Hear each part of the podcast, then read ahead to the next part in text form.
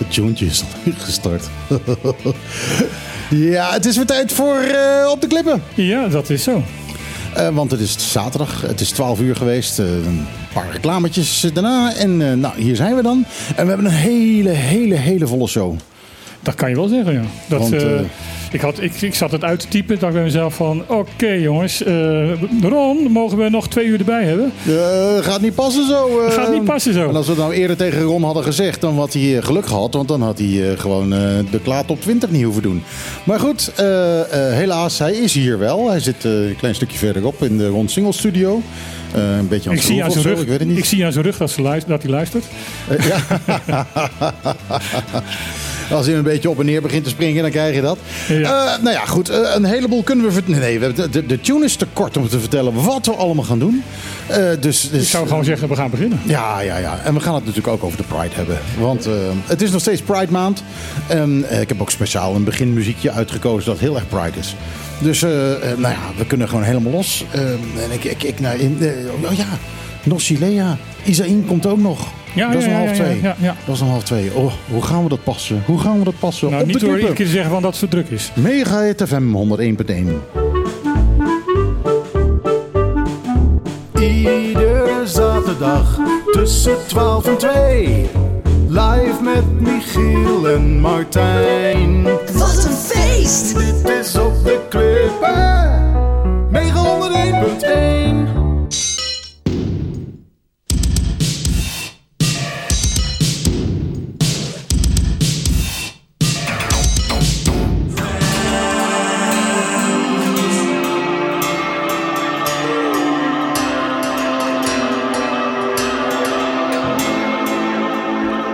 Depeche Mode, People Are People. En dan vooral dat stukje It's obviously you hate me. Though I've done you no wrong. I never even met you, so what could I have done? Uh, vond, ik een mooi, uh, vond ik een mooi plaatje in deze ja, Pride Week. Heel mooi. Hey, heel Judith Brekelmans, zomaar hier Hi. aan de tafel. Hallo. Ja, zijn we weer. Nou, we hadden al een beetje gezegd dat jij, dat jij wat dichter bij de microfoon moest komen. Maar we hadden ook al gezegd dat jij hier wel weer zou zitten. Ja, um, Leuk, In verband met de Pride Maand. Uh, laten we even meteen uh, het nieuws in gaan duiken trouwens. Want, uh, er is genoeg hè? Ja, en we hebben niet heel veel tijd. We hebben, we hebben belangrijke gasten allemaal. Um, waar beginnen we mee? Nou, dat mogen jullie altijd bepalen. Want ik maak het, ik maak het op en dan mogen jullie het bekijken wat, wat jullie willen horen. Oké, ik begin met het rapport slavernijverleden. Ja, rapport slavernijverleden. Er is een onafhankelijk, op verzoek van de Tweede Kamer is er een onafhankelijk uh, onderzoek geweest over het slavernijverleden. Nou, eens een keer niet het slavernijverleden over de slachtoffers en wat het in de landen heeft gedaan. Al dat soort zaken. Nee, deze keer de, de daders. Rol, de, rol, de rol van Nederland ja. daarin. En ja. uh, wat, er, wat er gebeurd is en wat er allemaal aan de hand is. En uh, hoeveel profijt ze ervan hebben gehad. Uh, en dat blijkt dus vrij schokkend te zijn. Uh, in feite vanaf de 16e eeuw tot en met de 19e eeuw. Uh, is eigenlijk ook vanuit de regering en vanuit uh, de elite, uh, de, de, economische elite, de slavernij het speerpunt geweest van een verdienmodel. Maar is dat, ja, misschien ben ik een beetje, maar dat wisten we toch eigenlijk al? Want Martijn, ja. jij zegt wel schokkend, maar je had het, vond jij het ook schokkend? Ik, of vond, was het een soort... ik vond het schokkend in zoverre van dat er, uh, het nou eigenlijk eens keer inderdaad op papier staat. Mm -hmm. uh, dat uh, ik bij ben dat het nu eindelijk hier op papier staat. Omdat het nu eindelijk ook eens een keer waarschijnlijk, als het goed gaat, ook eens een keer in de geschiedenisboekjes terechtkomt. Want in de geschiedenisboekjes zijn weer die eeuwen die dus in feite pikzwart zijn.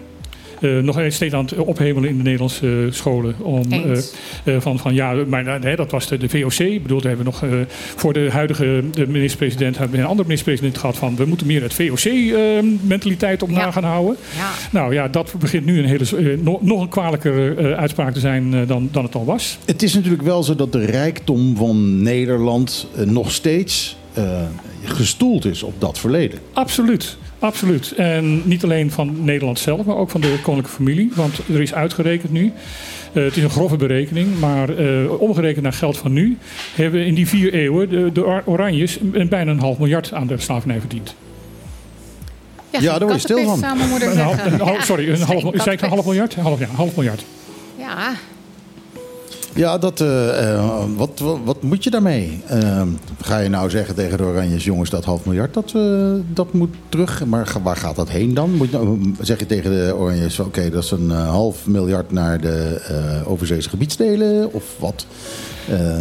dat is geld dat eigenlijk in Suriname hoort en in Indonesië en, en hier. En hier.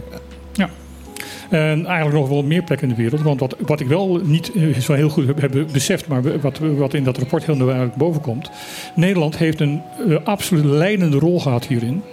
En veel van de ongelijkheid die in de wereld nog steeds bestaat, komt door het eh, optreden van Nederland over uh, dit onderwerp. Ja, meer dan de helft van de slaven uh, in Amerika is via Sint-Eustatius daar binnengekomen. Ja. Dus ja. En bijna alle slaven in Zuid-Amerika. En die verdienen ook geld. Ja. Tenminste, die, ja, ik bedoel, die zouden iets van dat half miljard moeten hebben. Slaafgemaakte trouwens. Het is hun geld. Maar zijn, er, zijn er plannen voor? Is dat ook, of dit, dit is het rapport? Ik heb het uh, inderdaad uh, nou, niet gelezen, maar uh, wat je er zo 1, 2, 3 van meekrijgt. En nu, wat is het vervolg?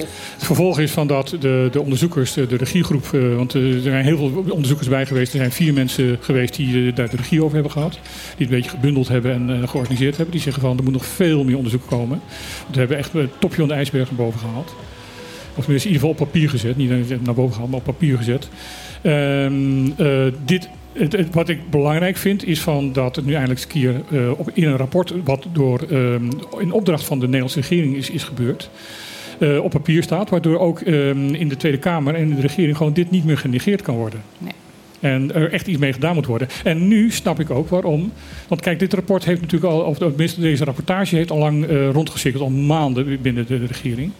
En nu snap ik opeens waarom uh, in november uh, haast, haast, haast, haast dat excuus aangeboden moet worden. Want het blijkt dat het excuus wat er aangeboden is, gewoon niet ver genoeg gegaan is nee. als je dit rapport leest.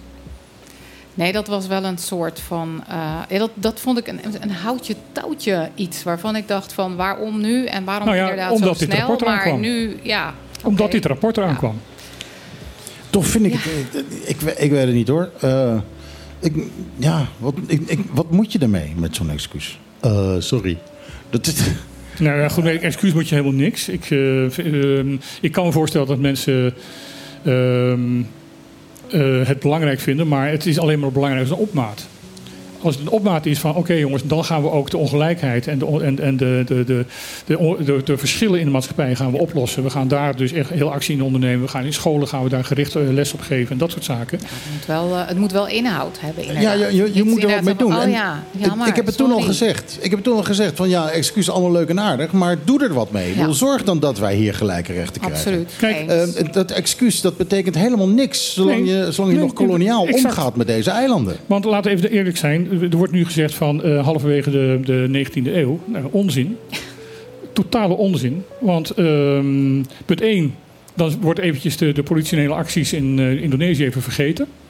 Wat een totale uh, de koloniale actie was. Een, oor, een oorlog tegen een, een land voeren wat zelfstandig wil worden. Um, en als je dan ook nog eens een keer het koninkrijksstatuut gaat bekijken, nou ja, dan is het kolonialisme nog steeds bezig. En de ja. ongelijkheid wordt nog steeds in stand gehouden. Ja, nou ja, gewoon. Uh, het staat gewoon in de, in de grondwet. Ja. Het staat gewoon in de grondwet, nou ja, die ongelijkheid. Nog, nog, een, uh, dat, nog los, los, van dat ene artikel. Uh, kijk naar hoe de Rijksministerraad in elkaar zit. Uh, ik weet, dat, dat is heel simpel namelijk. Dat zijn drie uh, gevolmachtigde ministers uit de drie landen. En alle ministers van de Nederlandse ministerraad. Ja. Dus alle beslissingen en aanwijzingen en regieën en weet ik al wat, wat er uit de Rijksministerraad komt, is gewoon gedicteerd door Nederland. Ja. Dit is, dit is best hartstikke ingewikkeld. En ik denk uh, dat dit echt nog wel ook heel lang gaat duren. Voordat we echt um, ja, hier wat mee kunnen gaan doen en gaan doen. En dan vind ik het ook wel heel erg belangrijk, want wie gaat er dan hier wat mee doen? Nou ja, het zou belangrijk zijn als uh, er in Nederlandse scholen gewoon verteld wordt: van jongens, die vier eeuwen, daar hebben we altijd zo trots op lopen zijn. Maar we hoeven er eigenlijk niet zo trots op te zijn. Nee. We moeten er eigenlijk ons een beetje voor schamen. Maar wel vertellen. Juist vertellen. Juist vertellen. Juist vertellen. Juist. Juist vertellen. Je kan alleen maar iets van de geschiedenis leren als je het verteld wordt. Klopt. Eens. Hier spreekt de zoon van een geschiedenisleraar. Juist. dat zal ik niet ontkennen, daar ben ik er zelfs trots op. Maar goed, dat rapport, is dat, eh, eh, is dat in te zien? Kunnen we erbij Eh, ja, het is in, in een bul uitgegeven. En het schijnt ook... eh, ik heb het zelf nog niet... Ik heb een kleine samenvatting nog gelezen. Want ik, heb, ik had nog een ander rapport om te lezen. Ja, dat rapport gaan we zo meteen hebben. Ehm, eh, maar het schijnt online te staan. Oké, nou, eh, even zoeken dan. Ja, we gaan het zoeken. Google is je best friend. En ik denk inderdaad, ehm, het is denk ik niet een eh, toilet, eh, toilet rapportje. Hè? Zo van nou, ik moet even en ik ga het lezen. Ik hoop inderdaad dat mensen die het gaan lezen, het ook inderdaad echt gaan lezen. Dat is natuurlijk ook best wel lastig. Want ik- Ja. jij, hebt het, jij hebt een stukje ingezien. Is het hele, hele moeilijke taal, zieke woorden? nee, oh, dat is dat valt, reuze, dat valt reuze mee. Oké, Net zoals het andere rapport. Dat is ook zeer goed te lezen. dat is heel goed te lezen. Het ILT-rapport. Heb jij het ook gelezen? Het volledige heb- rapport of de Ik, samenvatting? nee, nee, nee, samenvatting. Wij, hebben, wij hebben allebei het, eh, eh, de, de, 96, de, de 69 pagina's hebben Oké, gelezen. oké, Ja. oké. Nou, ik ben dan meteen En ik had even het- eh, en ik de had het- toehoorder. Ik had het in de middag uit. Ja, we gaan eruit citeren straks.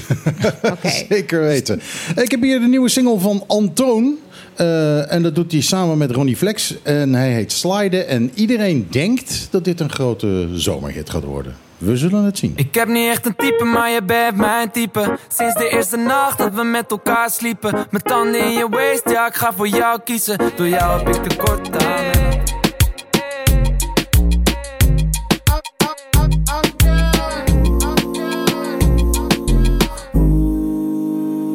Antoon en Ronnie Flex. Sliden heet hij. En ik vind het, eh, ik vind het behang. Ik, ik, zie, ik vind het geen klapper voor de zomer. Ik vind het behang. Nou ja, ik moet erg, ik moet erg lachen. Want ik eh, las net een artikeltje over Ronnie Flex. Dat hij leeg is en dat hij waarschijnlijk niks meer gaat doen. oh, ik- oké. Dat en wilde ik denk dus van, al nou, dat is een nummer te, te, te, laat wat je dat nu zegt. Nou, ja. ja, nou ja. ik, ik kan me er iets bij voorstellen als ik dit hoor. Ik, eh, voor mij hoeft hij ook niet echt in de herhaling. Maar oké, wie ben Maar ik? en van mij gaat hij ook niet in herhaling. Maar ik, ik, draai. Ik, heb- vorige week heb ik het geweigerd. Vorige week hadden we mm, drie van dit soort plaatjes eh, nieuw in de hitparade. Ik denk, nou, dat, eh, daar ga ik, geen, eh, ga ik geen acht minuten in het radioprogramma aan wijden. Dus dan heb ik ze niet gedraaid. Maar deze, keer, geen tijd voor. deze keer hebben we twee nieuwe platen in de top 40. En dit is er eentje van. Nou, weet je wat, ik draai hem even. Oké, nou ja, goed. Even. Klaar. Zo ben ik. Nee. Hoe gaat het met de Pride? Ja, het gaat hartstikke goed Volgende met de week Pride. is ja, los, hè? ja, ja, ja, we gaan eh, woensdag. Woensdag gaan we los. Ja. En eh, nou ja, eh, er gebeurt van alles en nog wat hele leuke dingen. En, en iedereen blijft maar van... waarom geen Pride Walk, Jut? Waarom gaan jullie niet lopen? We gaan het gewoon niet doen. Maar Nee. wat we wel gaan doen... als iedereen nou echt zin heeft in een feest en zo... we gaan wel feesten. Ja. Eh feestje. Vissa's. Nou, daar houdt papa van. kijk, Ja. dat bedoel ik. Nee, we gaan los. We gaan wel echt los. Ja. Vertel, vertel, vertel. Nou ja, dan kijk ik inderdaad eh, toch eigenlijk een beetje... ehm nee, ja, voor de toehoorders links, ruis, whatever. Naast mij, naast mij... Ja, maar dat kunnen we Ehm, niet pennen. Maar, Nee, nee, maar naast mij ergens, oké, gebruik een beetje ook je verbeelding bij radio luisteren. Naast mij zit Robin en ehm, we hebben binnen EQ eh, de taken een beetje verdeeld. Anders werd het allemaal heel erg veel. En, eh, en Robin die, eh, die mag zich lekker bemoeien met eh, het feest. Hey Robin, vertel me meer van het feest. Yes, goedemiddag allemaal. We, ja, we zijn op dit moment nog druk bezig om, eh, met de laatste voorbereidingen voor het feest. het grote feest dat we gaan organiseren. Eh, zaterdag 24 juni eh, zal er een groot feest plaats gaan vinden bij Happy's, snackbar en restaurant. Eh, ja, een van de mooiste locaties, eh ja, op Bonaire. Ehm, deze avond zal beginnen om 8 uur en zal eindigen rond eh 1 uur s'nachts. Oh nee hoor. Echt niet. Wie weet gaan we nog even door. Veel later. Zeker. Eh, ja, we hebben verschillende DJ's eh, die de avond eh, komen ja, spelen bij ons. En waaronder ook drie, we hebben eigenlijk een speciale act. Drie dames vanuit Curaçao die we laten invliegen naar Bonaire. En die ja, twee mooie acts voor ons gaan neerzetten die avond op de, op de catwalk. Je, je blijft een beetje vaag over die drie dames. Hebben die een naam? Ja, we hebben drie, drie drag queens komen vanuit Curaçao. Ah. Die gaan compleet ja, helemaal verkleed. En eh, ja, die gaan voor entertainment eh Een mooie dragshow. Ja, klopt. Ah, lachen man. Ja, daar hebben we zin aan. Zeker, zeker. Eh, en lekker een beetje oude disco. Zal ik, eh, in, ik, zal, ik zal mijn schijfje meenemen. heel goed. Ik heb mijn goed. schijf bij me en dan, eh, dan, als je wil, kan ik ook nog op erin springen. Ja, toch ABBA. Toch ABBA. Ik ben natuurlijk een van de ouderen. Hè? En ik heb echt zoiets van, kunnen we ook iets met ABBA doen? Abba, Abba. En ja, nou ja. ja, ja, ja. Maar dan, dan zegt Robin dus tegen mij: Nee, nee, nee, geen ABBA, geen ABBA. En dan denk ik: Oké, ik word echt oud. Maar oké, dus neem gewoon ABBA, doe maar, neem maar mee. Ja, dit, dat, alles staat op mijn schijf. Alles, alles, alles, Oké, één nummertje dan van ABBA, vooruit. Auw, oké, zie je dat is omdat jij dat zegt? Dat krijg ik er dus niet voor elkaar. Er zijn ook oudere mensen die, eh, eh, die, die, die LGHBTQ plus eh, I zijn. Dus, eh, en die willen ABBA. Zo simpel is het. Maar ik heb goed nieuws voor jou, Judith. Echt waar? Ja. Volgende maand, volgende maand komt eh, eh, Sandy Kandau. ehm, samen met Oh, Mandy-. Samen met Mandy Huids. eh, en die hebben een hele ABBA-act. Ja, die heet ja, We ja. Want ABBA. En daar zijn ze in. Nederland al druk mee aan het toeren. En dat is een enorm succes. Eh, en dat komen ze ook volgende maand hierheen brengen. Ja. Oh, wauw. daar verheug ik me nu al op. Dat, eh, Dat ik, wordt ik ben, ik echt ben niet, eens een enorme ABBA-fan. Maar, Oh, maar dan eh, hebben we gewoon een after, een after ABBA Pride. Ja, Ja. nou, Wij zijn zo- namelijk heel flexibel. We kunnen heel goed organiseren. Dat hebben we wel gezien de afgelopen weken. Dat is echt dat we dachten van oké, hoe gaan we dat doen? En het is eh so far lijkt het allemaal best wel eh, te lukken. Dus ehm, great. Ja, Ehm. ze hadden eigenlijk een maandje eerder komen, moeten komen. Dan hadden we Robin kunnen overroelen. Ja, gewoon ABBA. Maar wat, wat, wat zou jij dan willen horen? Ja, het is, eh, dat, wat, wat we net eigenlijk zeiden, het is een heel ruim publiek. Het is eigenlijk van eh, jong tot oud. Eh, het begint vanaf 18 tot eh, uiteraard eh, 65 plus. Eh, en we gaan van allerlei eh, muziek draaien, waaronder dus ook eh, Eh, voor deze keer dan. Ja, Nee, precies. nee. LGHBTI 65 plus. Ja, Dat precies. Ja. Nee, we gaan van verschillende van R&B tot hip-hop, pop. Eh, echt van allerlei eh, muzieksoorten gaat er gedraaid worden die avond. Je houdt het toch wel gewoon een beetje flamboyant. Hè? Het moet gewoon lekker flamboyant zijn. Precies. Fabulous. Dat, ja, fabulous. Fabulous. Absolutely fabulous. Fabulous. Dat is wat we willen. Oeh, wat een goed idee trouwens. Oeh, die plaat ga ik even opzoeken. Absolutely fabulous. Fabulous. Ja, natuurlijk. Nee, maar het gaat, eh, het, volgens mij gaat het echt heel erg eh, leuk worden. En Happy's wordt ook echt helemaal eh, versierd natuurlijk. Hè? Dus niet denken van oké, ehm, ik kom op mijn flipflops enzovoort. Eh, we hopen ook inderdaad dat mensen ook echt fabulous gaan komen. En gewoon eh, gaan genieten. En er echt samen een, een hele leuke avond eh, van maken. Want iedereen is welkom. Eh, we houden ons aan de wet en regelgeving, dus 18 jaar en, en ouder. Maar eh, volgens mij, Robin, echt iedereen is welkom, of niet? Zeker, zeer zeker. Kom vooral allemaal. Dus en het wordt leuk. Het wordt gewoon echt eh, nice. En de drie, de drie meiden, de girls, die komen. ehm, die hebben afgelopen weekend op de Pre-Pride Curaçao ook opgetreden. Dus wij hebben al wat filmpjes en van alles en nog wat gezien. En ehm, ze zijn absolutely fabulous and adorable. And they're from our islands. En dat vind ik zo heel erg leuk. Dit zijn de mensen van onze eigen eilanden.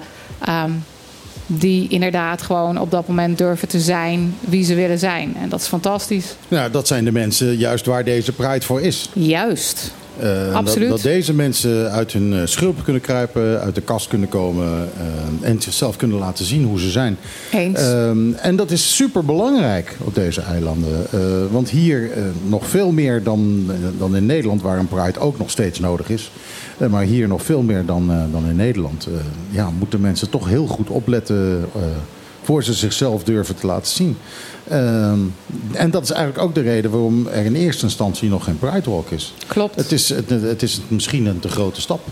Volgend jaar misschien. Wie weet. Wie Als weet. het, eh, als het dit jaar allemaal goed en leuk en vriendelijk eh, kan, dan eh, gaan we volgend jaar eh, natuurlijk flink los. En dan jij ook fabulous. Dan, dan ga ik ook fabulous. Ook al ben ik niet eh LGHBTP kleur 65 plus, maar Juist. ik, ik, ik steun fabulous absoluut. Ja, absoluut. En daar, eh, dat, dat is wel heel leuk hoor. In deze week eh, merken we ook heel veel mensen die eh, zich niet identificeren met het hele letteralfabet. maar zich prima kunnen vermaken met straight en hetero zijn. Maar die wel zeggen van kom op. En lekker doen. Er zijn geen feestjes leuker dan gay feestjes. Kijk, now we're talking. dus happy's. 24ste. Ik zat te zoeken of ik de Pet Shop Boys had met eh, Absolutely Fabulous, maar die, eh, die zaten er gewoon niet tussen. Hé, wat jammer. Het is echt heel jammer. Het is dan blijkbaar Volgende toch week. de, de top 40 niet gehaald. Maar volgende week heb ik hem absoluut en dan gaan we hem zeker erin gooien. Moet ik hem even zoeken op eh, Spotify. Eh, oh, dat kan wel even. Ja. Nou, Doe jij, hartstikke leuk. doe jij dat eens even, dat het niet van mijn harde schijf komt. Nou, jij eens even iets dat niet van harde schijf komt. Mag jij een keer een plaatje draaien? Oh, dat is lang geleden volgens mij, Martijn, of niet?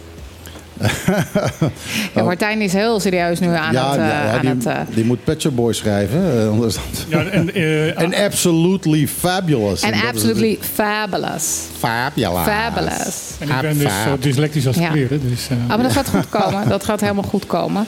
Hey, en dan, ehm, dat is de 24e, hebben we feest. Maar de 23e hebben we ook een hele leuke activiteit. eh, Michiel, kunnen we gewoon, wij gaan, kunnen toch gewoon doorgaan terwijl we wachten op Martijn? Ja, natuurlijk kunnen we doorgaan. Doe, doe- dat. Eh, de Eh, 23e hebben we ehm, educatief en fun of zoiets. Klopt dat, eh, eh, Robert? Educatief en fun? Oh, er zit opeens een Robert. Ja, we hebben Robert aan tafel. Ja, inderdaad. We hebben de pubquiz. De pubquiz, die ga De ik winnen. pubquiz. Oh ja? Ja, ik doe mee. Ik ga Iedereen zegt dat, dus ik weet niet hoe dat gaat eh, Ik ga eh, ja, nee, samen met mijn vrouw. Ik ben nog aan het zoeken of er nog misschien twee mensen bij ons willen zitten. En met ons mee willen winnen. Maar eh, nee, dat, eh, die is van mij. Let maar op. Goed zo, goed zo, goed zo. Het gaan drie leuke rondes worden. Ehm, leuke assistenten. En voor een gezellige avond. Waar is die? Wordt bij Hillside gehouden. Bij Hillside. Ja. Oké. Eh, ja, nee, dat, eh, dat komt goed. Eh, kan, ik me al, kan ik me al inschrijven? Ja, inschrijven kon, maar we zijn al helemaal vol. Alle Oh, teams zijn al gemaakt. Maar jullie kunnen allemaal bijkomen. En er zijn nog niet teams die helemaal compleet zijn. Nee, mijn team is nog niet compleet. En ik weet dat ik al ingeschreven ben. Ah, Voor gelukkig. mij was ik de eerste. Yes. Maar eh, je had hem mij gevraagd, hè? eh, ja, ik had jou gevraagd, Ja. maar, maar je wou niet. Nee, het, het is niet eh, eh, dat soort. Maar als je niemand anders kan vinden, dan eh, eh, val ik wel in. Ah, zwaar, ga gewoon mee, man. Oh. Oké. Gewoon Kom leuk. nou maar Je hebt gewoon. geen zak aan me, maar. Dat- eh, dat- Nou, geeft niet. helemaal niet. Dondert niet. Oké, Nee, prima. dat is gewoon... We, we- gewoon Esther en ik, wij winnen wel. Eh, en dan kun jij er gewoon bij zitten voor de gezelligheid en mee, Het wordt meegenieten echt van de heel prijs. spannend. Een fantastische prijs, hè? Of, Ja. niet? of niet? Of wat? Zeker. Ja. Zeker. Ja, ja ik, ik, eh, nou, ik, ik, ik bemoei me niet zo heel erg veel met de feesten, maar eh, wel met de prijzen.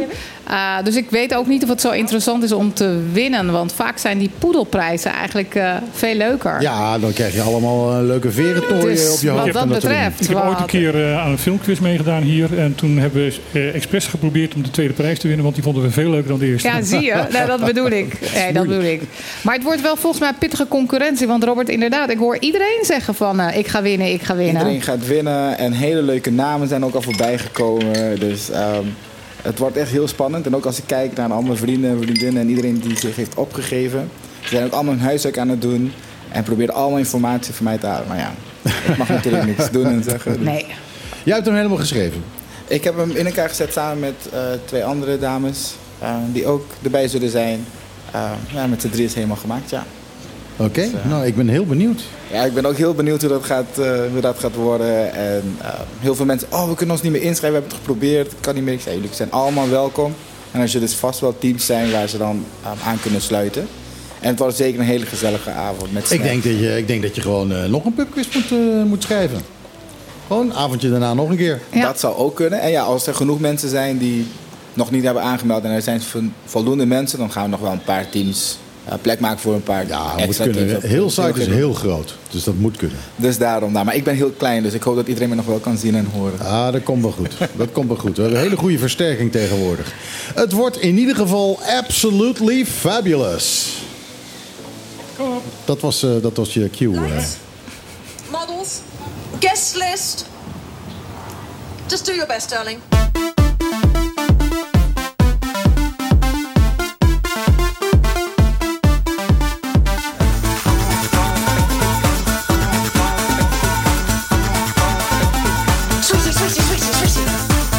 Fabulous. Good, thank you. Ja, ik dacht even dat het de, de 12 inch was. Eh, dit, eh, dat waren de Pet Shop Boys eh, samen met de dames van Absolutely Fabulous. En het grappige is dat eh, ik denk dat Robin eh, dit eh, volledig mist. Die, die is er gewoon te jong voor. Ehm eh, Italo-muziek van de, van de Pet Shop Boys met samples uit Absolutely Fabulous. Eh, en ondertussen hier zo eh, eh, zitten die helemaal vol met mensen van EQ. Gezellig, hè? Vertel eens even wie het allemaal zijn. Het is, het is hier nu al een beetje een gay pride. Ja, dit- we, we doen gewoon een kleine pre-Pride. Ik heb begrepen, dat heeft Curaçao ook gedaan. Alleen die heeft daar dan weer wat weken tussen. hè. Pre-Pride was vorig weekend en hebben ze de Pride eind september. Ja, dat is En een dan beetje... daarna een re-pride. Ja, dan hebben we een re-Pride. Maar we hebben net bedacht, die re-Pride, dat gaat dan eh, die ABBA... eh, die, die, die gaan we Oh, straks even over hebben. hè, Want dat, wat, Oh, ja. wat, wat kunnen wij alles kunnen we beter. Oh, daar kunnen we wat omheen, uh, Ja, nou ja, ehm, we hebben hier heel gezellig aan tafel twee hele leuke heren eh, vanuit de EQ. eh, die alle twee wat kunnen vertellen. Ehm, en ik denk dat het heel leuk is om ook Niel aan het woord te laten gaan. Want we hadden het over feest. Nou, dat is natuurlijk fantastisch. En dat hoort bij Pride. En dat is een beetje wat mensen ook altijd zien. Hè? Vandaar, ja, gaan jullie lopen? Gaan jullie varen? Waar is het feest? Ehm, nou, dat hebben we net gehoord, hè? feest bij Happy's. Ja. Nee, we gaan niet varen. Nee, we gaan niet lopen. Maar we hebben een hele mooie zorgconferentie. En ehm, voor zorgprofessionals op het eiland, daar kun je je voor inschrijven. En eh, met de inhoud heb ik me totaal niet bemoeid. Eh, maar dat heeft Niel gedaan. Dus Niel kan daar veel meer over vertellen. Hi, bon tardi iedereen. Ja, ik eh, heb namens EQ ook samen met een hele ploeg een zorgconferentie georganiseerd. Ehm, het is de bedoeling dat we dan. Ja, zo is het goed. Heel goed? Oké, Ja, zo is het goed. Er werd even aan zijn eh, microfoon Ja. eh, geschuffeld. dat we eh, aandacht gaan besteden aan inclusief communiceren. Eh, we hebben eh, diverse zorgprofessionals uitgenodigd om ook hieraan eh, te praten eh, en hun ervaring en best practices te, de- best practices te delen eh, met de zorgprofessionals. Het is eh, woensdag 21 juni om 1 uur bij Plaza. En we hebben diverse eh, specialisten die erover gaan praten. Eh, onder andere de huisartsen. We hebben twee huisartsen eh, uitgenodigd hiervoor. De MHC is uitgenodigd. En ook uit Promotion Mariedal is er ook een verpleegkundige... die gaat vertellen over haar onderzoek die ze, die ze gedaan heeft in het ziekenhuis. met betrekking tot acceptatie en discriminatie van LHBT. Ja, want dat gebeurt nog heel veel hier. Jazeker. Ja. Eh, tenminste, de discriminatie. De, eh, Eh, dat- dat- de, de acceptatie zou wat meer moeten gebeuren. De discriminatie is op een ander niveau wat je gewend bent bijvoorbeeld in andere Ja. landen. Je wordt hier in elkaar geslagen. Ik denk dat jullie het al dat eerlijk heeft verteld. Maar je hebt het heel wel te maken met grapjes of dingen achter de rug worden gezegd. En dat gaan we ook adresseren. Ja. Nou is, eh, eh, als dat achter je rug gebeurt, eh, nou, wat is het? Schelden doet geen pijn, roepen ze altijd. En weet, weet ik van niet allemaal. Maar als je alleen maar dat soort dingen de hele tijd hoort. ehm, ja, dat is heel slecht voor je, Ja, voor je, ik- ik ben het voor er ook je, niet mee voor eens. je, voor je eigen waarde. Ik, ben, ik ben het er ook niet mee eens dat schelden geen pijn doet. Eh, ik ben zelf eh, slachtoffer van eh, pestgedrag op de lagere school, basisschool. Ja, ik En ook. schelden doet Ik wel ook. degelijk pijn. Ik, ik kwam van Curaçao en toen ging ik naar Nederland. En daar was ik natuurlijk meteen het pispaaltje. Ehm, eh, en dan moet je je voorstellen dat, ja, dat je gay bent. Ja. Wel, dat Curaçaose, dat kun je er wel van afhalen door. Ik heb mezelf toen in, ik zat in Hellevoetsluis. Ik, ik heb mezelf in, in drie maanden een plat Rotterdamse accent eh, aangemeten. En, en zo kon ik weer, ja, kon ik de kast in, zullen we maar zeggen. Maar dat Maar is natuurlijk seksuele geaardheid is Ja. seksuele geaardheid. Ja. Dat, eh, dat, dat, dat, daar willen we juist af dat, dat, eh, dat, dat, dat daar geen, geen, geen vragen meer Juist. over komen. Nou ja, en inderdaad, als je kijkt zeg maar, naar eh, gezondheidszorg en zorg verlenen. eh, we merken toch nog wel dat eh, veel zorgverleners het best wel lastig vinden. Hè? Hoe spreek je iemand aan? Eh, zijn er misschien dingen die je zou willen vragen, maar niet durft te vragen? Of zijn er juist dingen die je niet vraagt, maar wel had moeten vragen, omdat je weet dat iemand uit de LHBTI-community komt? Ja, nou, nou is er natuurlijk ook wel heel veel goede wil van mensen die, eh, ja, die het wel willen, maar die niet weten hoe. Correct. En dat willen we dan eh, de doelsgevende voor. Dat je dan eh, ook dat durft te vragen en met de juiste woorden uit kan komen. Het is belangrijk dat je een ja, ruimte geeft om het ook te kunnen bespreken. Ehm, dat je inclusief en met respect met, met elkaar om kan gaan. Ja, nou ja, dat is, eh, eh, dat is dus voor heel veel mensen is dat, een, eh, is dat nog steeds een moeilijk ding. Ja, ik heb, ik heb zelf, nou ja, Wilco Harbers bijvoorbeeld is een van mijn beste vrienden.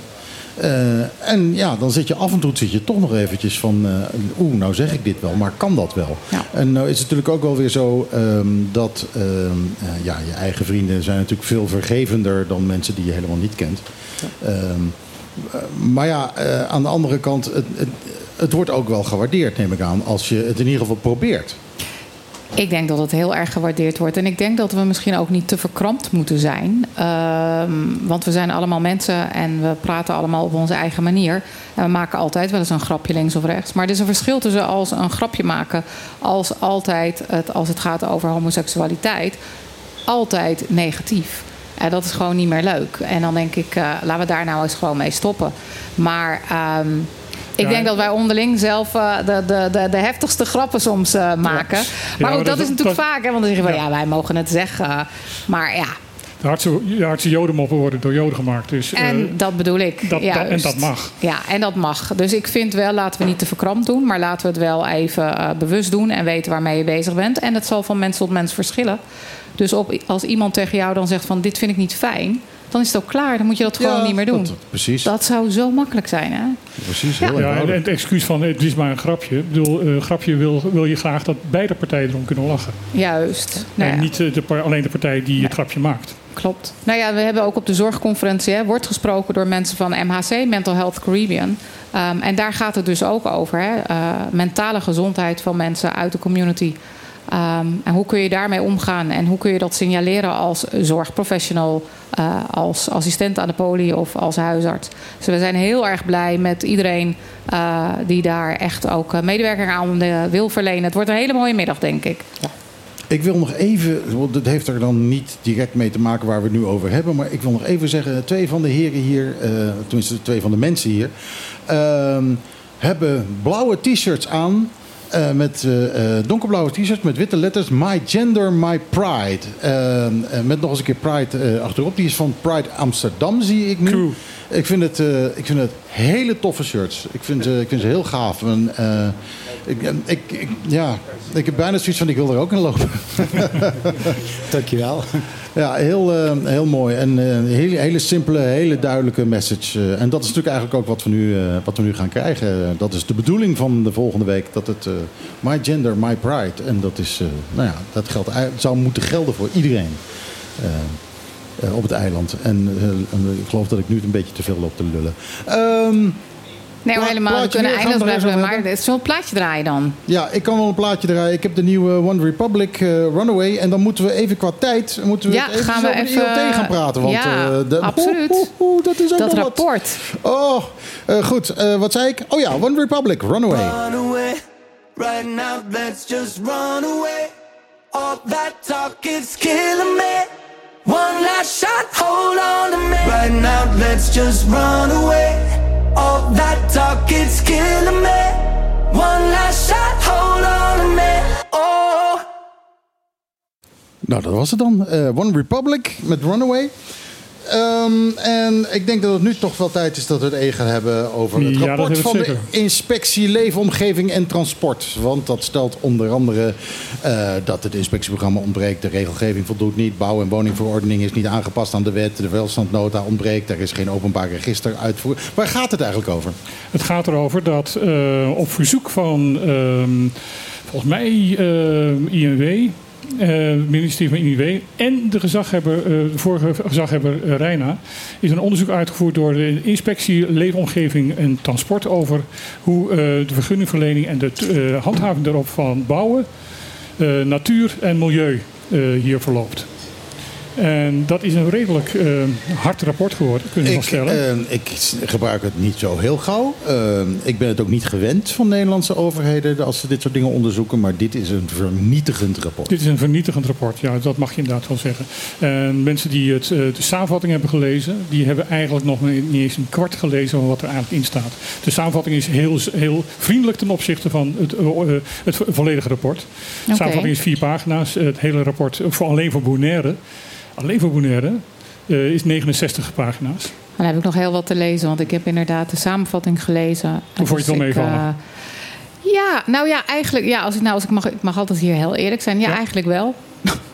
Oh, die Nou, kwam ik er echt ik heel had- erg uit. Ik Maar had, ja, het, ik had het ook precies hetzelfde. Eh, toen ik inderdaad samenvatting wat door, door de RCN is gemaakt las, toen dacht ik bij mezelf van, oh, nou ja, goed, oké, goed, ja, nee, dat, Dat. wisten we al.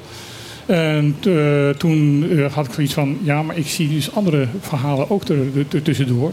Eh, toen ben ik het hele rapport gaan lezen, dacht ik van, holy Moses. Ja, en het hele rapport is natuurlijk ook maar een paar casussen hè, die, ze, Ja. die, die ze hebben. We weten dat het allemaal veel groter is. We weten dat het veel meer is. Ehm, eh, ik, eh, ik, ik heb er zo meteen een liedje over, maar dat, dat, dat liedje, dat heb ik, dus dat, dat zag ik. De basis ervan heb ik in maart 2022 al geschreven. Ja. Ehm, en eh, dat betekent gewoon, en, en dat, ja, dat klapt mij eigenlijk voor mijn oren, betekent gewoon, we wisten dit allemaal al. We wisten het Hier al. wisten we dit allemaal al, maar het is... Nou ja, sterker nog, wij hadden uit heel veel ehm, ehm, berichten, bronnen die wij hebben eh, via via bronnen. En dus kunnen we ze niet gebruiken om in de, in de uitzending of in- op een andere manier. ehm, wisten wij al heel veel. ja. En eh, wisten wij denk ik meer dan, dan, dan gemiddeld. En eh, nu kom je tot te denken van ja, al die bronnen waar, waar wij- wij dachten van die kunnen we niet gebruiken omdat wij het via via is gegaan. ja, want, want Blijken dus wel te kloppen. waar gaat het nou precies over? Waar het om, voor mij precies om gaat is dat eh, Wat, wat, concludeert, eh, wat concludeert het rapport? het rapport con- concludeert dat bij de afdelingen of de directies ehm, ruimte en ordening, ordening eh, ruimte en orde heet dat geloof ik. Drop. Ja, ehm, en bij de directie toezicht en handhaving het een chaos is. Ja, een absolute chaos. Want er, eh, nou ja, zoals ik al zei, eh, eh, er zijn geen regels, er wordt niet gecommuniceerd. Eh, wat had ik? Ik had een hele lijst. Had ik Nou ja, wat ik een van de meest eh, bijzondere opmerkingen vond over zowel ehm, ehm, eh, ruimte, en, ruimte en ordening en ha- handhaving en toezicht. eh, toezicht en handhaving. ehm, er ontbreekt regie. ja. Ja, uitvoering van vergunningen loopt niet adequaat. Er is geen milieuprogramma. Er is geen overzicht. Er is geen aanpak voor vergunningverlening. Dossiervorming en archivering zijn onoverzichtelijk en in verschillende systemen. Dus dan, Ja. dan kom je er helemaal niet uit wat er aan de hand is. Adviezen worden genegeerd of ze worden verkeerd geciteerd. Geplande activiteiten worden niet uitgevoerd. Dus dan, komt, dan wordt er ergens naar gekeken en dan is er een plan en dan, ja, dan blijft het plan liggen. En- Ook heel Bonaireaans, dat weten we allemaal. Eh, taken zijn niet specifiek uitgewerkt. Eh, er is geen overleg, er is geen verantwoordelijkheid. Men probeert niet tot een oplossing te komen. Ja, er het is is gewoon geen terugkoppeling. chaos. Eh, Ja, de boel is gewoon plus- niet op orde. Maar Plus- in plus- chaos plus dan ook nog, kun je lekker je ding gang aan Ja, gaan, plus dus ook nog ehm, een angstcultuur, omdat er constant vanuit de bestuurders druk ge- uit, uitgeoefend wordt om bepaalde beslissingen er doorheen te du- duwen. Ook dat staat erin. Ja, maar ik denk ook dat het een onderdeel is van de chaos. En met alle respect, ik denk dat dit eh, voor eh, een rapport als dit en voor Bonaire ehm, rampzalig is. Ja. Maar anderzijds heeft het ook wel geleid tot heel veel dingen die anders niet gebeurd waren. Zoals inderdaad stranden, hotels, eh, bouwvergunningen enzovoort. Ja. Dus door deze chaos, die mogelijk ook wel bewust in stand wordt gehouden. Ehm, ik weet niet of mijn kop er nu afgaat, maar dat is wel hoe ik er tegenaan kijk. Ik Nou, denk kijk, dat er een eh, bepaalde groep mensen ehm, erg profiteert van alle eh, eh, chaos en, en, en puinhoop die het nu is. Ja, maar er is gebleken dat, je, dat dat gewoon de manier is waarop je het nu doet. Je begint gewoon te bouwen en die vergunning dat komt later wel. Dat, gaat, eh, eh, dat wordt toch wel Als geregeld. voorbeeld. En de, de Rijksvertegenwoordiger, sorry, de Rijks, niet de Rijksvertegenwoordiger, de gezaghebber eh, in der tijd, eh Reina, die heeft hier gezeten. En die zei onder andere over Sogogo, toen daar, wat was het, een miljoen of zo gevraagd werd eh, eh, als... eh, 1,2 miljoen. een ja, 1,2 miljoen zouden ze moeten betalen eh, voor straf omdat ze eh, zonder vergunning eh, het verkeerde zand hadden gestort. Ehm, eh, en die, die zei ook van ja, eh, maar eh, als, als ze dat moeten betalen en ze kunnen het niet betalen, dan zitten we zometeen weer met een ruïne eh, aan de kust. Plus dat hij ook nog zei van ja, maar het is heel moeilijk handhaven, want datzelfde zand ligt bij mij voor de deur. Ja, nou ja, dat, eh, dat geeft al een beetje aan wat het, eh, wat het probleem is. En dus is de manier hier van, nou ja, je begint maar gewoon. En daarna zien we wel. Ehm, ik heb zelf een beetje hetzelfde gevoel, al is het een, denk ik toch iets anders gelopen. Ehm, ik heb altijd dat gevoel gehad bij eh, eh, Karel Spier. Die heeft gewoon wat, wat van die palen erin geslagen. Nou, toen bleek dat het papierwerk niet op orde was. Nou ja, dat heeft tien jaar geduurd. Maar nu komt dus toch die pier Inderdaad. erbovenop. Ja, heel lang gewacht Oké, het heeft dan tien jaar geduurd, maar het is er wel. Dus je begint gewoon met iets. En eh, ja, men reageert hier toch niet zo snel. Dus is, hey. En dan staat het er al half. En dan zeg je, ja, eh, sorry. Ja. Staat er al. Dan laten we nou maar gewoon eh, die vergunning regelen. Dan is het maar klaar. Maar goed, dan heb je wel dingen gedaan waar je eigenlijk geen vergunning voor zou Nou ja, hebben en, en misschien gekregen. gaat mijn kop er nu af, maar ik zeg, ehm, dit rapport Wat natuurlijk al ook net zoals het vorige rapport wat we, waar het over hadden, al maanden in uh, politiek Den Haag bekend was wat daar uh, de inhoud van zou gaan worden. En ik vermoed zelfs dat er een. Uh, ik heb het sterke vermoeden en ik heb ook sterke aanwijzingen dat er een, um, een, een draftrapport is geweest wat nog veel harder was. Wat ze afgezwakt hebben. Zou zomaar kunnen. Uh, er staan uh, over alles. Uh, er wordt in het hele rapport wordt er constant gesproken over ehm, het bestuurscollege, het BC. Behalve als het over gaat over um, als er invloed uit uitgeoefend door de politici op beslissingen, dan wordt opeens gezegd: ja, bestuurders hebben invloed uitgeoefend. En ik ben ervan overtuigd dat er waar nu overal bestuurders staat, dat daar namen hebben gestaan. Ongetwijfeld. Maar goed, het gebeurt gewoon op verschillende niveaus. Uh, uh, kijk, uh, het, hoeft niet, het hoeft niet per se altijd iemand uit het bestuurscollege te zijn. Het zijn ook andere mensen die, die macht hebben op dit eiland, op wat voor manier dan ook. Ja, maar hier worden gezegd bestuurders. En er zijn maar vier bestuurders op het eiland. En dat zijn dus de, bestuurs, de, de, de, de gedeputeerden en de gezaghebber. Dat zijn de bestuurders ja. van het eiland. Nou is het wel opvallend dat dit rapport heel erg vernietigend is. Zeker naar de gezaghebber toe. Uh, en zoals jij al zei, dat uh, rapport dat uh, roleert al een tijdje in Den Haag. En wat zien we nu? De gezaghebber is opeens is hij weggepromoveerd en stapte hij uit zijn functie. Ja. En heeft hij een, een andere een functie elders heeft hij, ja. aangeboden gekregen die nog niet bestond. Nee, voor mij is dat geen toeval. dat gevoel heb ik ook. En dan nogmaals, dan gaat misschien mijn kop eraf, maar uh, ik, ik, heb het echt een sterk gevoel van dat, dat dit. Uh, ja. Er wordt ook in het rapport gezegd van um, toezicht en handhaving is inderdaad een chaos. Uh, er is geen leiding, er is geen regie. Wie had hier regie over moeten hebben? Degene buiten, binnen het bestuurscollege wiens um, portefeuille het was. Die had regie moeten gaan voeren. En um, zolang de gezaghebber Reina in zijn functie heeft gezeten, had hij de portefeuille handhaving en toezicht. Negen jaar. Dat is lang. Toezicht en handhaving uh, is ook inderdaad in al die tijd. Uh, ik, ben, ik heb er, ben er zelf een paar keer heb ik mijn kop eraan gestoten. Uh, toezicht en handhaving is ja, zeer beperkt geweest. Heeft niet erg gehandhaafd. Hooguit een beetje toezien, dat vonden ze wel leuk, een beetje kijken. maar, en die directie viel regelrecht politiek gezien onder de, de gezaghebber. Ja. ja, dat klopt. Ja, dat is een hele ingewikkelde, nou, rare, ook, ook een hele rare constructie. Hele rare constructie. Hoor.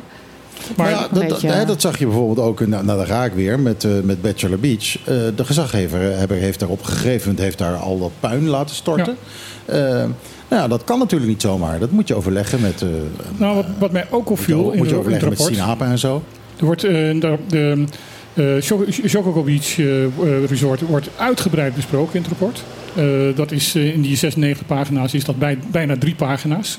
Dus dat is naar verhouding erg veel voor één casus. Uh, een, hele historische opsomming van wat er allemaal gebeurd is en wat er allemaal misgegaan is. Het uh, zeer leerzaam. Allemaal dingen die je van denkt van ja, dat wist ik wel, dat wist ik wel. Oh, hé, hey, dat wist ik nog niet. Uh, heel over, overzichtelijk.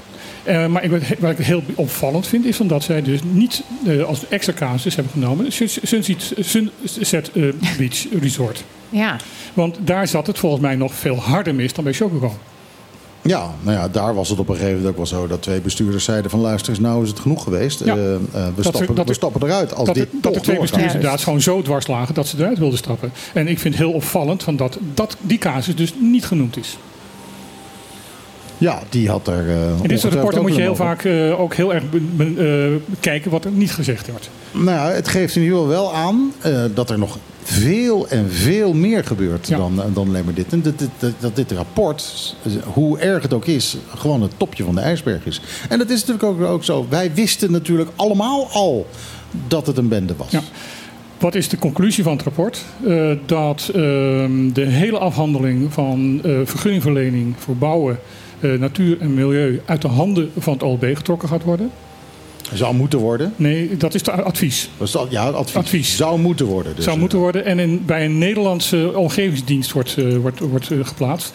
Uh, daar moet ik dus even bij zeggen. Het hele uit de handen trekken van dit soort vergunningenverlening en de handhaving daarvan in Nederland bij Nederlandse gemeentes is ook uit de handen van de gemeentes getrokken daar. Omdat het daar ook misging. Ja, en uh, daarom, is het, uh, uh, daarom zijn de regionale omgevingsdiensten opgezet, die dus die vergunningen nu, nu regelen en ook de toezicht erop regelen. Dus op zichzelf is dat binnen het Nederlands staatsbestel is dat nog niet zo'n hele rare situatie. Alleen Ehm, wat, wat heel erg moeizaam gaat worden en wat heel erg eh, moeilijk gaat worden, is dat eh, die omgevingsdiensten altijd in een regio werken. Waardoor ze dus ook weten hoe, wat er in die regio gebeurt. En als je een Nederlandse omgevingsdienst in, in, in Nederland neerzet, dan weten ze geen snars van wat hier in de Cariben gebeurt. Nee, Nee, dat, dat, eh, dat wordt, eh, wordt inderdaad een bende. Wat ik trouwens ook nog even wil aankaarten, want dat is ook wel interessant. Eh, de Rijksvertegenwoordiger, dat is dus niet Ja. de gezaghebber. Ja. De Rijksvertegenwoordiger, eh, vertegenwoordiger, die wilde op een gegeven moment wil die er ook wat over zeggen. Ja. En, eh, Die heeft zelfs gezegd dat hij wil ingrijpen. ja, en dat is toen vanuit Den Haag is dat afgeblazen. Dat is vanuit de Koning- Koninkrijksrelaties gezegd van doe maar niet. Ja, ehm, eh, en het grappige is, dit rapport eh, wil juist meer verantwoordelijkheden geven aan de Rijksvertegenwoordiger. Ja, de Rijksvertegenwoordiger moet eh, meer eh, eh, bevoegdheden krijgen, krijgen om zelfstandig in te grijpen. En eventueel als het misgaat, dingen misgaat in dit soort zaken, het bestuurscollege te kunnen overrulen. Ja, en juist dat natuurlijk vanwege het feit dat de gezaghebber hierin zoveel macht heeft. Maar interessant is dat eigenlijk ehm, eh, Nederland, Koningsrijksrelaties, ik weet niet wie dat, ehm, ik weet niet wie, waar, wel, van waar het precies vandaan komt, wil eigenlijk die hele Rijksvertegenwoordiger afschaffen. Dat willen ze al heel bedoel lang. En, en, dan Ja. komt, en dan komt alles dus, eh, Na- dus weer in na- handen van die gezaghebber. Naar Zilbert eh, Is- Isabella, het, vertrek van, eh, het voortijdige vertrek van Isabella, Die het overigens verrassend goed deed. die het verdomde goed deed. Absoluut. En eh, die ook in, bij de Gay Pride eh, Ja, ja, ja, een absoluut. hele goede rol had kunnen spelen. Zeker, zeker. Onze fan op afstand. Ja, Ehm, maar even dat tussen, eh, tussen haakjes.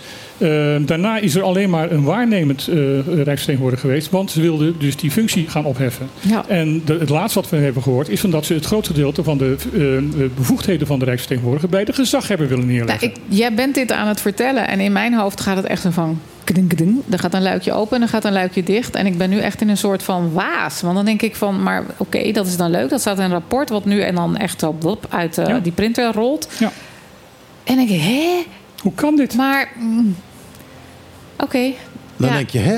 Nou, en dan zie je de dingen even allemaal niet. even niet zo scherp.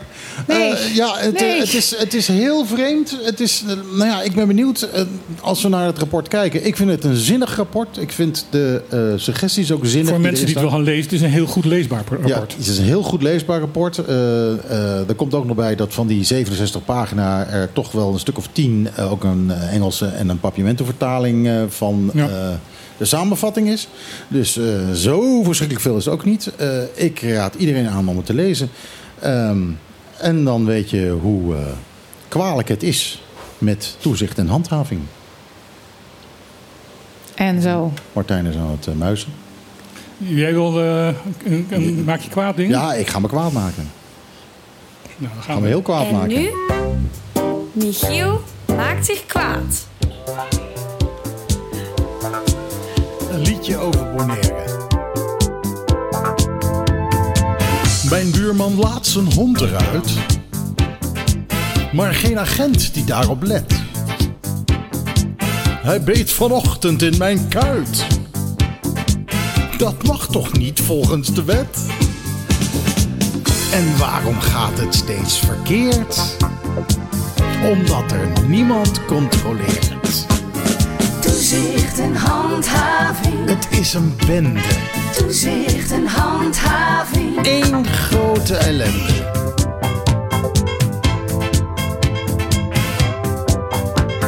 Je weet toch hoe het werkt. Ik heb een splinternieuw resort. En ook een strandje aangelegd. Gewoon wat importzand gestort. En niks aan OLB gezegd. Het is net het wilde westen hier. Dus morgen bouw ik ook een pier of twee. Toezicht en handhaving. Die vergunning, Toezicht en handhaving. dat kan altijd achteraf. Gewoon een biertje met het bestuurscollege morgen. Of iemand van ruimtelijke ordening.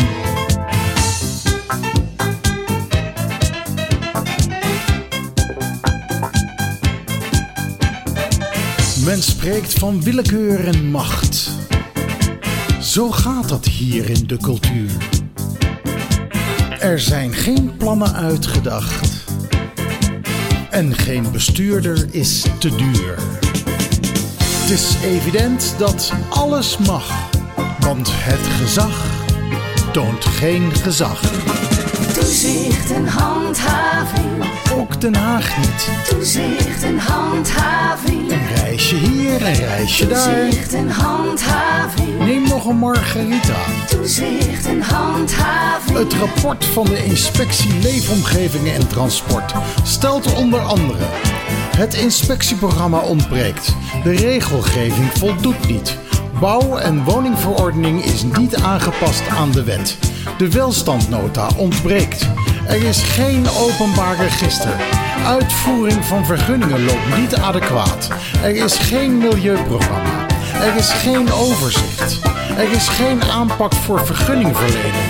Dossiervorming en archivering zijn onoverzichtelijk en in verschillende systemen. Adviezen worden genegeerd, verkeerd geciteerd, geplande activiteiten worden niet uitgevoerd, taken zijn niet specifiek uitgewerkt. Er is geen regie, er is geen overleg, er is geen verantwoordelijkheid. Men probeert niet tot een oplossing.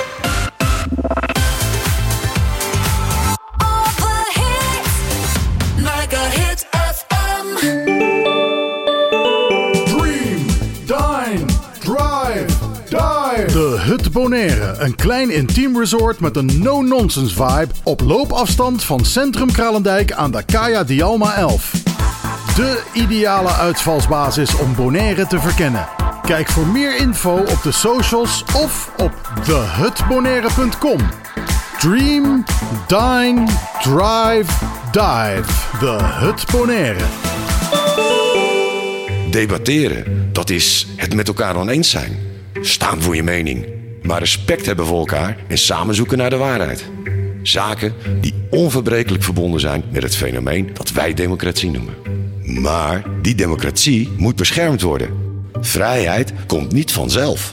Daarom is voor de Partido Democratico Bonaireano de onafhankelijkheid van de pers heel belangrijk. Zij zijn de waakhonden van de democratie en moeten in alle vrijheid hun werk kunnen doen. They keep us honest. Ook de politiek zelf heeft daar een rol in te vervullen. Daarom zet de PDB zich actief in voor de bescherming van de onafhankelijke journalistiek op Bonaire. PDB. Voor een rechtvaardig en duurzaam Bonaire. Bonaire Automation, we sell computers, printers, USB memory sticks, and all kinds of accessories. We install alarm and full HD camera surveillance systems, and we're the place to go for professional computer repairs, hard drive erasing, and for on site technical help and support. Our team of experts will find the best solution available. Feel free to drop off your old ink cartridges for recycling. Bonaire Automation at the start of Kayaniki Boko South. Call us at 717 4306.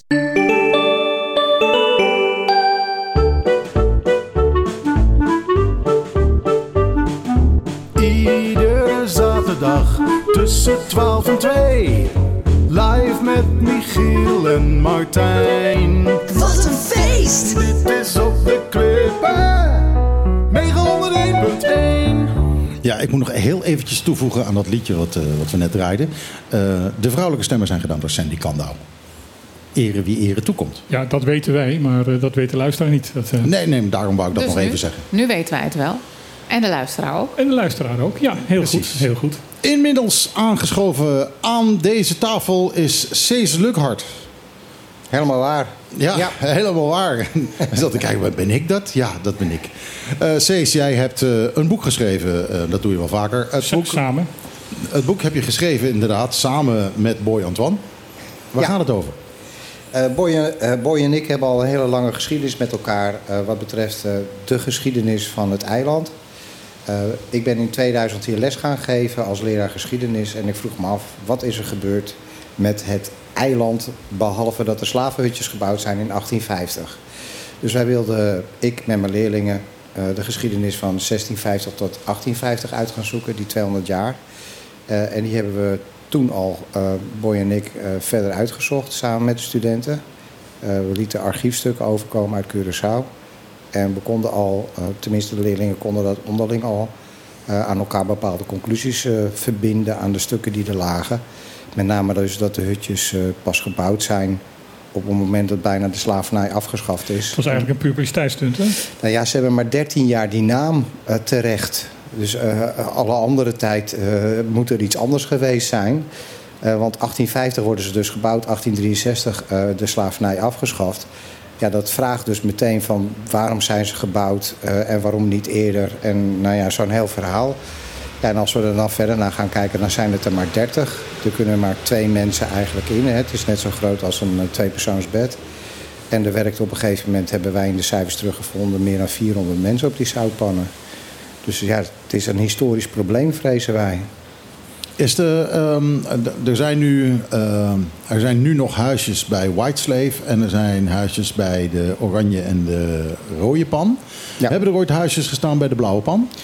Nee, niet dat we weten. Eh, alles wat we hebben gevonden is alleen maar beschrijvingen, onder andere van Niewind. Hè. Dat is de beroemdste historicus eigenlijk, per ongeluk. Eh, doordat hij hier op bezoek komt en een heel verhaal gaat schrijven over hoe de mensen hier leven. En hij vertelt inderdaad dat het onder takken is. We hebben een inspectierapport gevonden uit 1819. En die inspecteur die zegt letterlijk dat er eh, betere hutjes moeten komen. Die beschrijft iets van acht hutjes. Ehm, en die vertelt ook dat er eh, nou ja, eh, eigenlijk een loods moet komen eh, en die mensen veel beter beschermd moeten worden. Dat gebeurt dus allemaal niet. Dus, ehm, dus waarschijnlijk stonden er wel al iets van hutjes Ja, we hebben ook een- voordat deze stenen, nou ja, stenen. Ja, en nou ja, koraalsteen, maar wat vooral... Sorry, even wat mensen die op de radio willen, die komen er voorbij rijden. het is er gelukt volgens mij. Het is absoluut Ja. gelukt. Eh, ja, nee, er werd natuurlijk eh, puur om, om je te beschermen tegen alle natuurgeweld wat er plaats kon vinden. eh, werd, werd, werd er natuurlijk door mensen hutjes gebouwd, eh, maar dan niet zo zoals we ze nu kennen. En zeker niet zo mooi gestuukt en eh, geschilderd in wit en een oranje. Ja. Maar ze waren natuurlijk gewoon allemaal wit, koraalwit. Ja, ehm, en denk je ook dat dat, dat dat vroeger zo geweest was? Nu, krijgen, nu hebben ze allemaal de kleur van de bijbehorende piramide. Mhm. Die piramides die waren om eh, de schepen duidelijk te maken waar ze moesten zijn. En die zijn ook inderdaad heel goed te zien. Je kunt, eh, eh, Ja. je kunt van grote afstand zie, zie die piramides al maar die staan. beschrijvingen zijn dus allemaal van de laatste 30, 40 jaar dat hier slavernij gehanteerd wordt. Ja. Tot die tijd is het dus ja, een groot vraagteken. En dat proberen we te beantwoorden met ons boek. We gaan heel ver in de context plaatsen. We willen dus heel duidelijk het beeld geven van wat er in Brazilië gebeurt. Wat gebeurt er ondertussen in Amsterdam. Waarom eh, is het... Hè, het is letterlijk trouwens, dat is wel bijzonder. Het is niet alleen dit jaar 150 of 160 jaar geleden dat slavernij afgeschaft werd. Maar het is ook precies 400 jaar geleden dat in 1623 de eerste eh, archiefstukken opduiken dat mensen op Bonaire komen om zout te halen uit Nederland. Dat doen Enkhuizenaren en Horendse bedrijven met name. En er zit ook in Amsterdam een burgemeester, Reinier Pauw, die daar heel druk mee bezig is. Die probeert die handel naar zich toe te trekken, want die heeft zoutschepen al eh, varen. Is ook eh, bij de voorloper van de WC betrokken. En als je dan aan de auteur van zijn biografie vraagt van... goh, je schrijft helemaal niks over zijn financiën... eh, maar die man die moet toch hartst- hartstikke rijk zijn geworden... van alles wat hij daar aan het regelen is als burgemeester. Ja, dan komt hij met het antwoord dat hij waarschijnlijk... een van de eerste miljonairs van Amsterdam was. Wauw, zeker in die tijd. In die tijd betekent dat dus, hè, als we dat omrekenen naar nu... dat moet minstens normaal 10... 9,7 officieel. Eh, maar dan moet je dus er, ervan uitgaan dat dat echt iemand die heel erg rijk was in die tijd. Ehm, alt- eh, de- ik, ik, ik- zolang ik Bonaire ken, en dat is nou eh, nog, nog niet zo heel erg lang, maar tien jaar, eh, heb ik altijd gehoord van ja, nee, Bonaire was altijd een nutteloos eiland. En, en dat, dat had geen nut. Jullie spreken dat in jullie boek volledig tegen. Ja, het was helemaal geen nutteloos eiland. eh, maar de indruk werd wel gewekt. Eigenlijk hebben de oorspronkelijke bewoners de Spanjaarden toen ze hier aankwamen in de maling genomen. Dat vinden we bij Hartog terug. Hartog zegt letterlijk dat de Spanjaarden, en Vespucci schrijft dat dus ook op... er is geen water te vinden. Nou, zonder water kan je uiteraard niet op dit eiland leven. Eh, maar we weten vanuit de web, hè, die heeft daar zelfs een hele poster van gemaakt, dat er meer dan eh, 18 eh, waterbronnen zijn. Boy eh, heeft daar aan toegevoegd dat er ook nog twee bronnen zijn op het terrein van Cargill, dus bij de zoutpannen. Dat zou eigenlijk als de Wiedeweerga archeologisch onderzocht moeten worden, die twee putten. Eh, want daar is waarschijnlijk de plek geweest waar de mensen dan provisorische dus eigen hutjes hebben gemaakt. En die hutjes kwamen trouwens ook nog terug Eh, toen de fotografie hè, na de slavernij verscheen, waar Boy heeft in zijn archief een foto waarin je dus ziet dat de mensen helemaal niet naar de hutjes gaan om zich te beschermen tegen de zon, maar dat ze dan gewoon een eigen plek hebben. Dus gemaakt om zich te beschutten tegen, of nou ja, gewoon bij een, eh, ja, een, een, een bos gaat gaan zitten om eh, te lunchen. Die foto hebben we uiteraard ook in het boek opgenomen. Maar wat, wat, was, de, wat was het verdienmodel van Van Bonaire? Dat was dat alle schepen die uit Curaçao kwamen zich moesten beschermen tegen de wilde zeeën die ze gingen ontmoeten als ze weer terug gingen varen naar Europa. Dan was het een ballastproduct. Als je daar dus ook bij het archief, Nationaal Archief naar gaat zoeken. Ik wil graag weten hoeveel zout er vanuit Bonaire naar Nederland kwam. Dan krijg je dus als antwoord van eh, de mensen die daar werken en die er verstand van hebben dat zout helemaal nooit uh, beschreven werd, maar gewoon uh, beschouwd werd als een exotisch product wat toevallig meekwam. Het was zo normaal om hier langs te varen en je schip dus op die manier van ballast te voorzien. Hm. Dat je dus op die manier uh, ja, het eigenlijk nooit terugvindt. Het werd niet als apart product beschreven. Maar het was wel belangrijk. Ja, want op een gegeven moment ligt er in 1672 is dat zo. In, in Amsterdam ligt er voor 100.000 gulden aan zout. Dat is een gigantisch bedrag. En dat Voor betekent ook dat voor die tijd, eh, dus dat is 1 miljoen als we even omrekenen.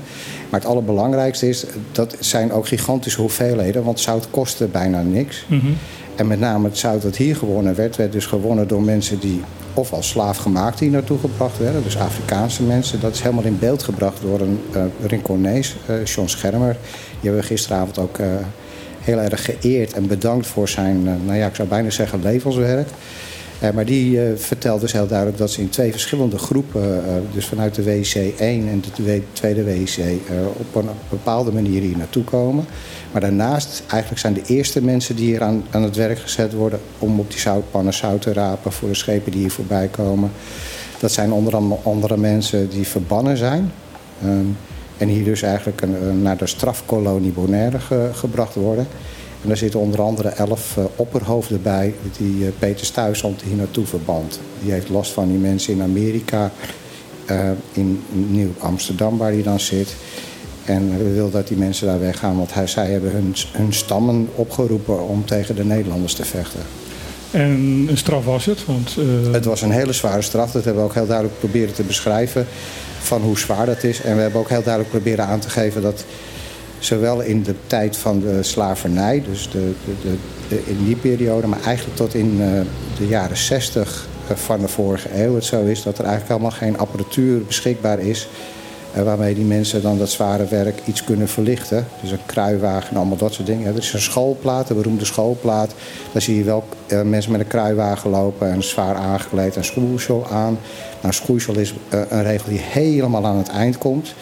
Die komt pas eh, als we eh, het hebben over 1857. Dat is al bijna afgelopen. Ja, dan, ja, nou ja, er is sowieso een trein aan het denderen vanaf de Tula-opstand, eigenlijk ook al daarvoor. Hè. We hebben ontdekt dat er hier in 1765 ook al een opstand is. Het was nieuw, het staat ook in nog een enkel boek beschreven. Eh, maar de Tula-opstand die heeft niet alleen met de Franse revolutie te maken... maar- maar natuurlijk ook met wat alles hier in het Caribisch gebied gebeurt. Mensen hebben heel duidelijk contact met elkaar. En Tula zou ook nog wel eens, eh, waar we ook een afdruk van hebben geplaatst... eh, in het bezit geweest kunnen zijn of in ieder geval gelezen kunnen hebben... dat in Nederland in die tijd, in de Bata het Bataafse e- experiment noemen ze die periode wel...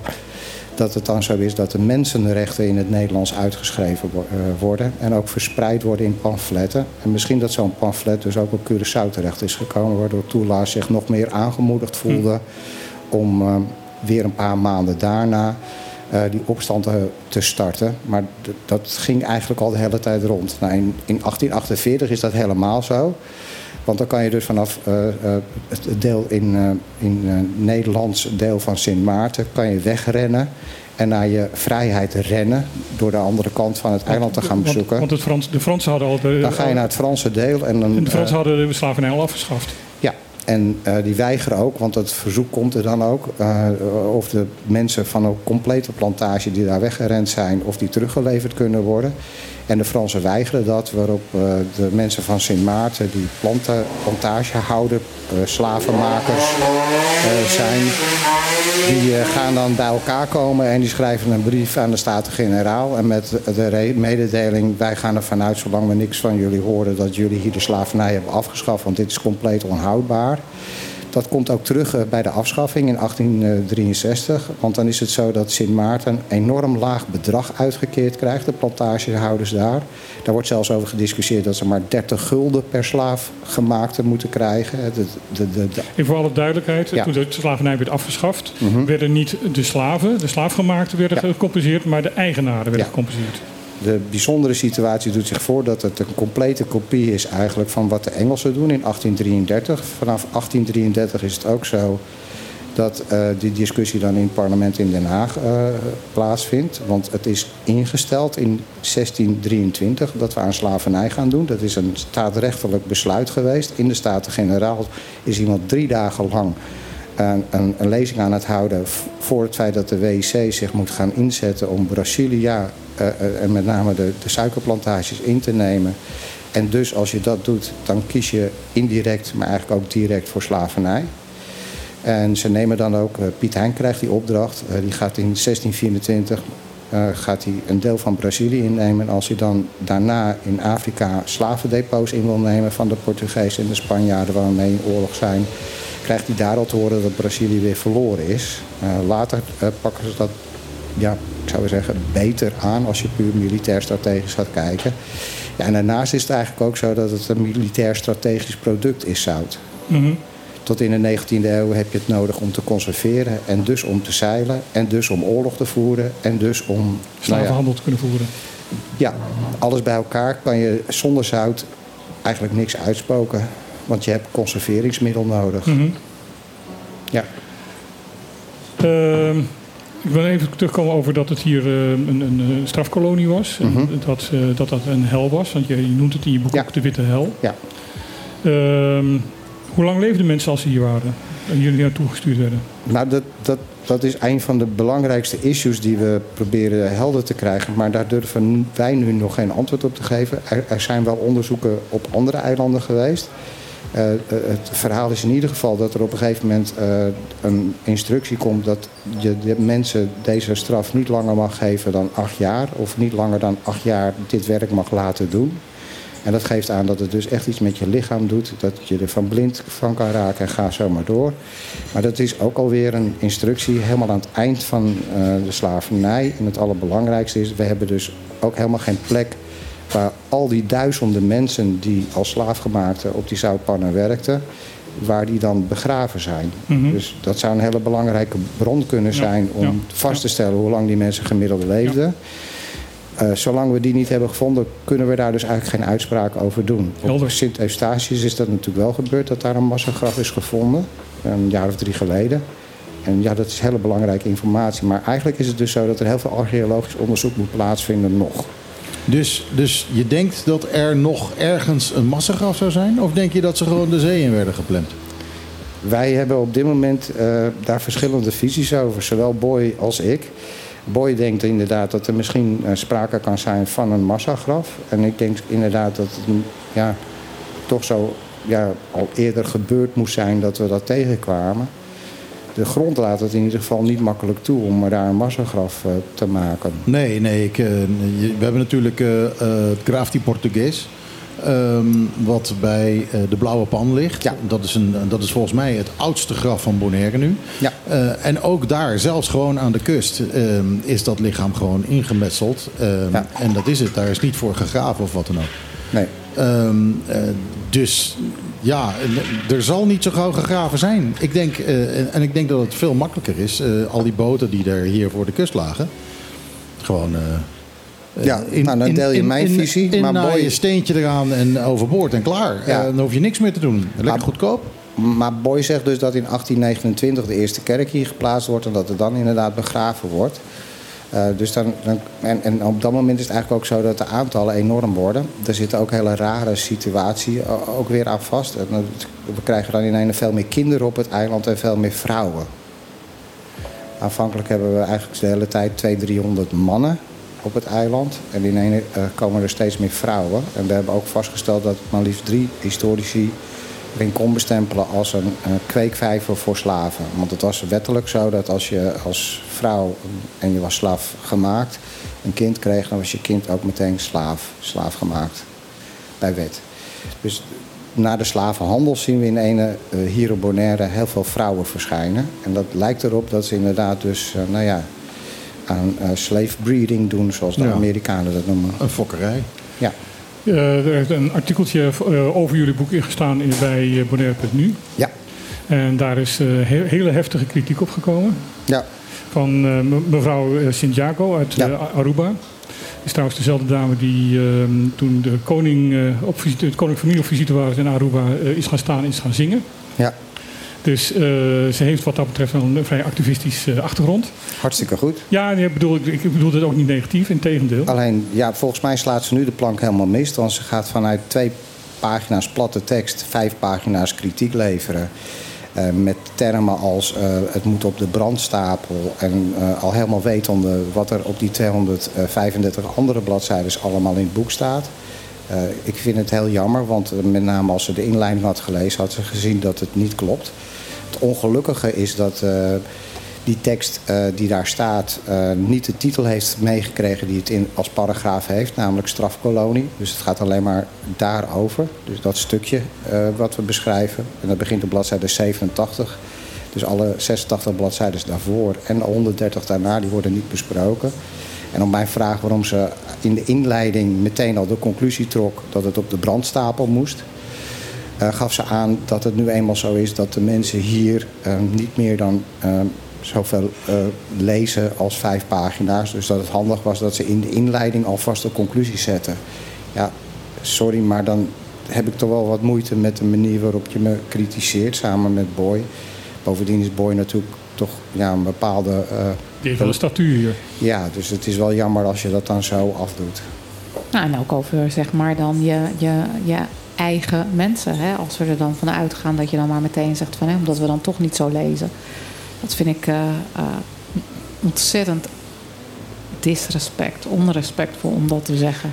Terwijl haar hele stuk gaat dus over het feit dat wij disrespectvol Juist. zouden zijn. Dat het Correct. vanuit een witte Europese visie Correct. geschreven zijn. Terwijl we dat juist dus helemaal in de inleiding met name ook proberen Nou, aan te geven dat we dat hebben proberen Ja. te Nou, Nou, als je voorkomen. één ding zeker weet dat het niet uit een wit respect- Ja. perspectief wordt geschreven, dan moet je Bojan Twander Dat wou ik blijven net zeggen. Ik bedoel, ja, ja maar wel, wel heel erg jammer. Inderdaad, toch weer. Maar goed, laat maar gebeuren. Ik bedoel, waarschijnlijk zijn er nu wel heel veel mensen die denken van... Ah, Ja, ik zie er één positief ding Ja. in. Is, en dat is dat het boek begint te leven. Juist, dus dat, dat is heel goed. het was heel mooi. Ik denk dat het een heel belangrijk standwaar- standaardwerk is.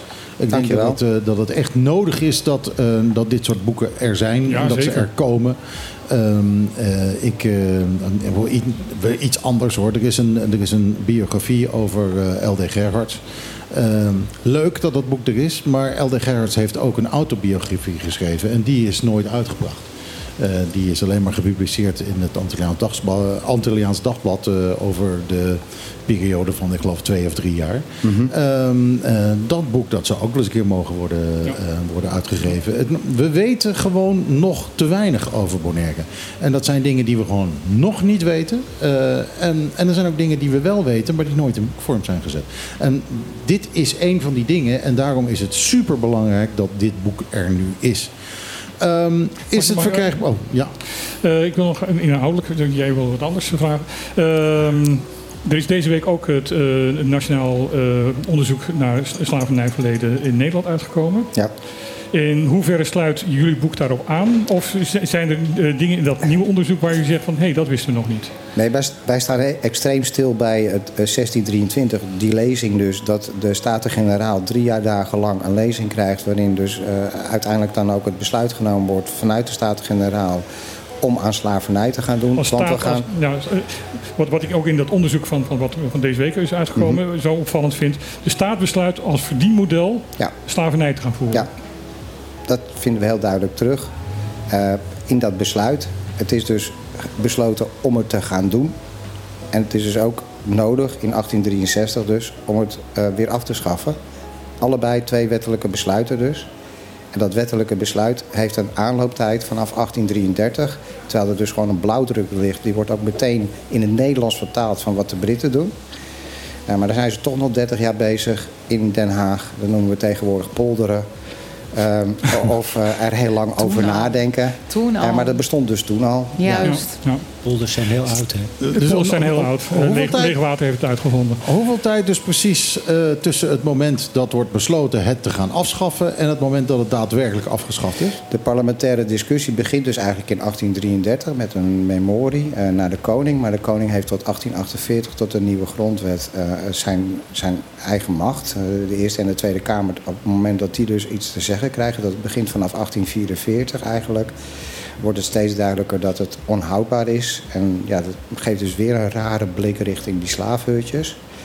Uh, maar dan is het inderdaad zo dat die discussie in de Tweede Kamer uh, langzaamaan uh, vorm krijgt. Die wordt op een gegeven moment eigenlijk ook weer stopgezet. Want ja, waar moet al dat geld dan vandaan komen om al die slavenhouders, slavenmakers een vergoeding te gaan geven? Want dat zit in dat Britse voorstel ook.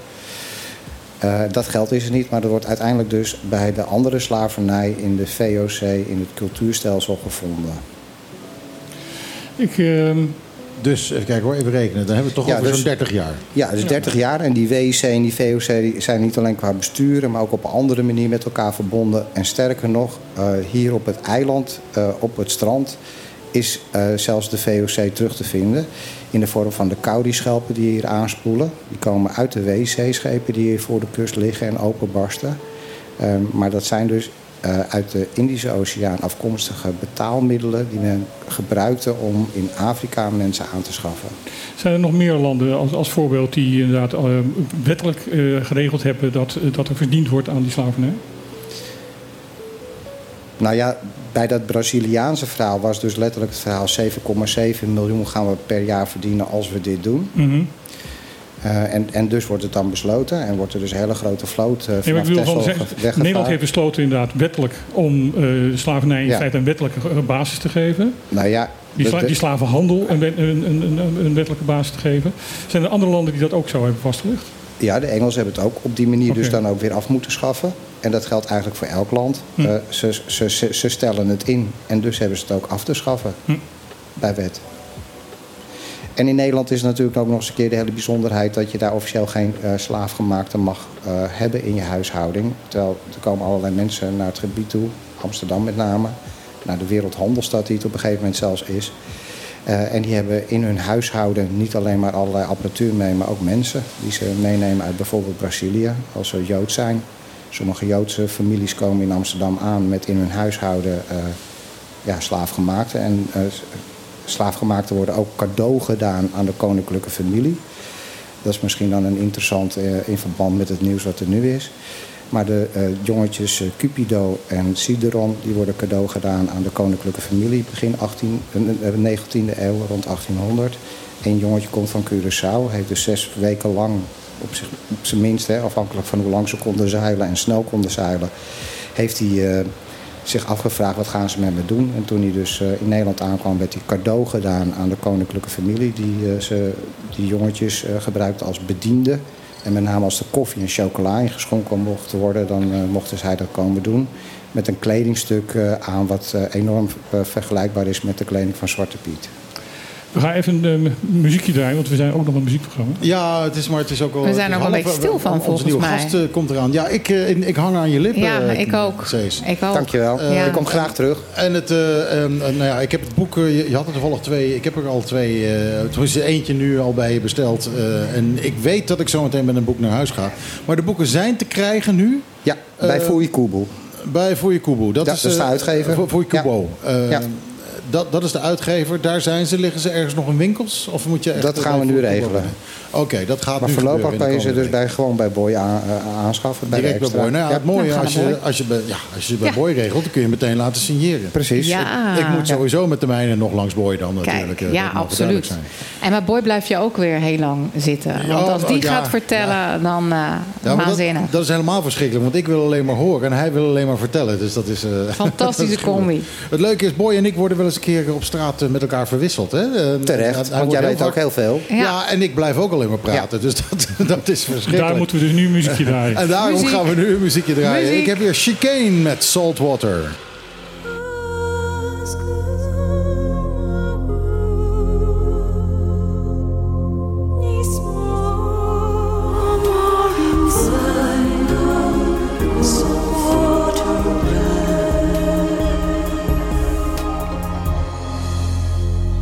Chicane Saltwater met eh Mayor Brennan. Eh, en die... eh, dan kan ik niet even op die naam komen, zeg. Clannad. De zangeres van Clannad is dat. Oh, Oké, ja, ik vond het erg klink- klinken ook. en er zit ook een, er zit ook een stukje, stukje gesampled of nagezongen uit, ehm, uit een nummer van Clannad.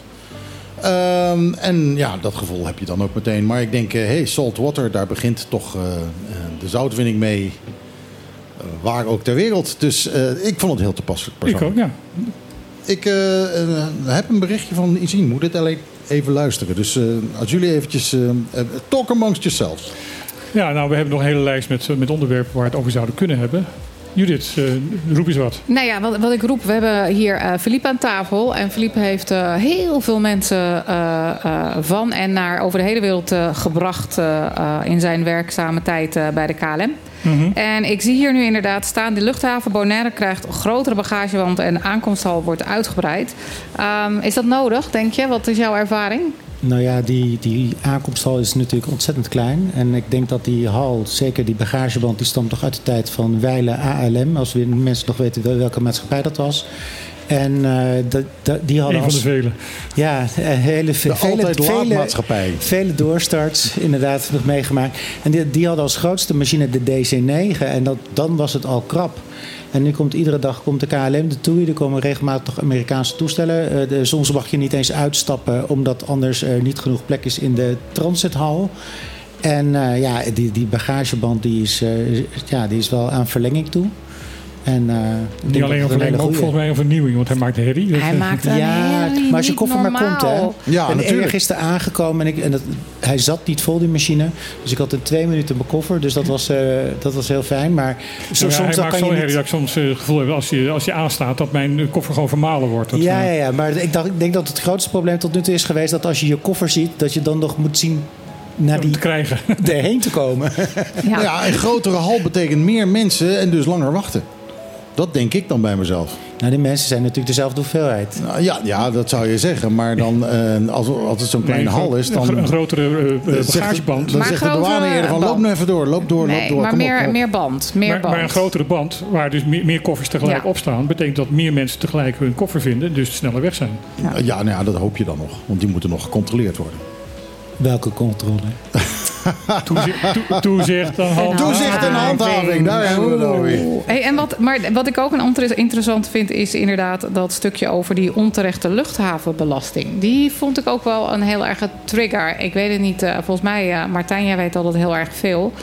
Ehm, want inderdaad, altijd als je zo'n ticket ziet, dan denk je, oh, dat valt best wel mee. En dan finaal onderaan de streep denk ik, hmm, oké. Nou, het gaat voornamelijk over als je via Curaçao ehm, Mhm. vliegt. Als je in Curaçao moet overstappen naar een andere maatschappij. Daar gaat het over. Juist. Ehm, je, als je namelijk hier ehm, naar, eh, naar Bonaire, of van Bonaire naar Curaçao gaat, dan betaal je een soort transfer eh, fee van 15 dollar. Omdat je in, in Curaçao overstapt. Maar nou blijkt dus dat daarna in Curaçao, het, het ticket wat je vanuit Curaçao naar, naar je bestemming krijgt, dat daar dus ook weer, ehm, dat daar dus ook weer extra ehm, belasting over gegeven wordt, namelijk 63 dollar. Dus in totaal ben je 68, 98 dollar kwijt aan belasting. En als je dan met een gezin van vier mensen zit, dan gaat dat aardig aantikken. Ja, dat tikt wel door inderdaad. tikt inderdaad door. En, maar oké, en wat. Oké. Ehm, nou, ik heb dat natuurlijk ook nooit geweten. Vind ik altijd heel knap. Eh, Mensen komen daar dan achter of zo. Die, die denken van, huh, wat betaal ik veel voor een ticket? Hoe werkt dat? Als zou het Nou, aftikken ja, zijn, dan ja, merk het je dat wel. aftikken ja. bent dan. Ja, maar Nee, het is niet zo raar dat er achter gekomen is. Want eh, een van de mensen van die groep die daar nu mee bezig is, is Harold Linkels. Die natuurlijk eh, heel erg betrokken Ja. geweest is bij alle mogelijke luchtvaartmaatschappijen. Dus eh, ook zicht heeft over wat, wat, wat zo'n ticket Helder. eigenlijk in, Oké. in, in- inhoudt. Ehm, ja, het is, het, is, het is raar, want officieel zou dat niet moeten. Want je bent trans, transfer to- ehm, passagier. Dan, daar gelden andere bedragen voor. En, maar toch, de, de, de vliegtuigmaatschappijen, als je dus gewoon instapt in, in Curaçao... on- on- ondanks dat je een transferklant bent... eh, betaal je dus de volle eh, luchthavenbelasting. Oké. Dus het probleem zit in Nou, feite wat dat wel- betreft ja. meer in Curaçao dan hier in Bonaire. Helder, helder. Nou, dan eh, geloof ik dat ik eh, het heel erg eens ben met die eh, pressiegroep. Ik vind het gewoon niet kunnen. Easy. Ondertussen aan deze tafel aangeschoven is niemand minder dan Isa in Mercera. Botan Tikilatswa. Ja, klopt. Maar dan moet je natuurlijk wel zeggen als, eh, als een echte Bonaireaan. Hé hey man, ik ben er nou toch. Nee, nee, nee, nee, nee. Het is wel zo dat, eh, ja, ik heb me echt zwaar, die verkeer hier, die heb ik zwaar onderschat. Met de dag eh, merk ik dat er meer auto's op de straat zitten. En dan denk ik toch dat er een bepaalde tijd aan, gebo- aan gebonden is. Maar toch, ik heb, hem, ik heb vandaag echt een zware misinschatting gemaakt. Ja, dat Sorry. niet. Het wordt steeds drukker op dit eiland en dan krijg je dat. Maar eh, ja, vroeger was dat niet zo. En vroegere tijden, dat is natuurlijk ook waar jij heel erg over gaat. Ehm, en dan hebben we het natuurlijk eh, over het magazine Die Rij, waar eh, jij toch wel een heel belangrijke rader in de hele machine bent. Ja. Is eh, het maandelijkse avontuur. Dit keer gaan we het inderdaad hebben een beetje over vroeger. Ja, je weet, elke laatste zaterdag van de maand hebben we inderdaad in Noord-Zelea. En eh, ja, nu iedereen die heeft het erover. En eh, ja, wij willen het in het daglicht brengen ook, zeg maar, bij ons. Laatst konden jullie ook horen dat er persconferentie was. Dus ja, waar praat ik over? Kijk, iedereen weet, in de 19e eeuw was dit hele eiland een gouvernementsplantage. En dan op zaterdag kwamen ze bij ons bij Magazine de Rij um, hun rantsoen ophalen. En dan op 1 juli dit jaar wordt het dus ja, een herdenkingsjaar. Eh, ja, bijzonder herdenkingsjaar, sorry. Omdat het echt 160 jaar terug dat ze dus slavernij officieel hebben afgeschaft. Ja. En dan voor dit keer is het dus zo dat wij dus ehm, de heer Antoine hebben uitgenodigd. Toevallig ben ik net Cees Lockhart tegengekomen. Ja, net. die zat hier aan tafel en we hadden het ook net over Boy Ja. Antoine.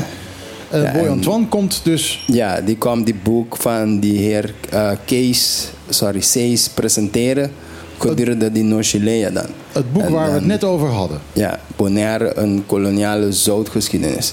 Ik was zelf trouwens ook gisteren naar die presentatie van hun geweest. Was een hele leuke en eh, leerzame, educatieve presentatie. En daarnaast had je ook eh, mensen die zich erin konden plaatsen in de zin van dat ze zich ook begonnen af te vragen van, goh, waar kom ik vandaan eigenlijk? En ja, dan is het dus zo dat eh, ja, Boy die kwam dan een uitleg geven in eerste instantie een beetje over algemene informatie en vervolgens gaat hij wat dieper op die boek in. En ik zou zeggen, indien je vragen hebt over die boek, dan kom gewoon langs volgende week zaterdag. Dan is Boy daar. En daarnaast moet ik wel eerlijk zeggen, dit keer wordt het een speciale editie. In verband met het feit dat net die dag is het 24 juni. Dan, wie weet wat er dan op die dag gebeurt op dit eiland. Weten jullie dat? Nee, ik heb dat niet paraat. Eh, wat is er? eh, 24 Dan- juni eh, voor datum? Dan vieren wij San Juan hier op het eiland in feite. Oh, Ja. oké. En dan is het dus zo, de traditie is zeg maar dat je dan over fakels van vuur die aangestoken worden. Dus niet eh, als speeltje, maar dan letterlijk aangestoken worden bij Magazine Direct. En dan mag je erover komen springen, Michiel. Dan ja. Dat, dat moet je mij niet laten doen. Ik spring Hoezo niet meer zo ver als vroeger. Ja, maar dat maakt niet uit. Daar krijg ik hele hete voeten van. Ja, die fakels, die, die, daar hebben we rekening mee gehouden. Dus die fakels, die zijn niet zo groot. Omdat ook kinderen eroverheen gaan springen. Omdat onze jeugdband, die talentenculturaal, die heeft eh, diverse presentatie, drama, dramatisatie, eh, sketches, zeg maar, dus dramatisatie, presentaties. Hebben ze dus voorbereid om het publiek te vermaken, maar dan met, eh, op een muzikale en educatieve manier. Hoe laat doen ze dat? Ja, dat gebeurt tussen 7 en 8, want dan wordt de afsluiting, zodat iedereen dan Dat is 7 en lekker- 8 's avonds. Ja, ja. Want het is dit keer een speciale editie trouwens. Het is van 3 uur 's middags tot 8 uur 's avonds. Oh, het is 's middags. Juist. Deze keer. Ah. Ja, kijk, het is zo dat we daarover zo geda- eh, gedacht hebben, omdat het San Juan is. Maar daarnaast komt het ook heel goed uit, want ja, de hittegolf die tast dit eiland aan. Dus dan, ja, dan is het wat koeler. En dan komen die mensen ook sneller daar naar, naar naartoe. Om ook, zeg maar, een leuke nochelee te mogen ervaren. Ja, iedereen weet, zoals gewend, dan heb je die kraampjes met verse producten, lokale gerechten, soep. Dus ja, alles wat er normaal gesproken er is, vind je daar. Daarnaast is het dit keer dat we ook onze bijzondere groep hebben. Welke de laatste tijd ehm, is, een, ja, is een groep die heel bekend aan het worden is. Welke is de lokale band Culturando. Ja, dus dan, eh, die is nu echt bezig en die valt bij verschillende mensen in de smaak. Het is een vrij nieuw band. En ik zou zeggen, indien je nog niet van die band gehoord hebt, kom maar langs. Zij spelen criollo muziek, toch? Alles. Ja. Ik zeg echt alles. Dus die spelen echt eh, dingen van vroeger, San Juan liedjes.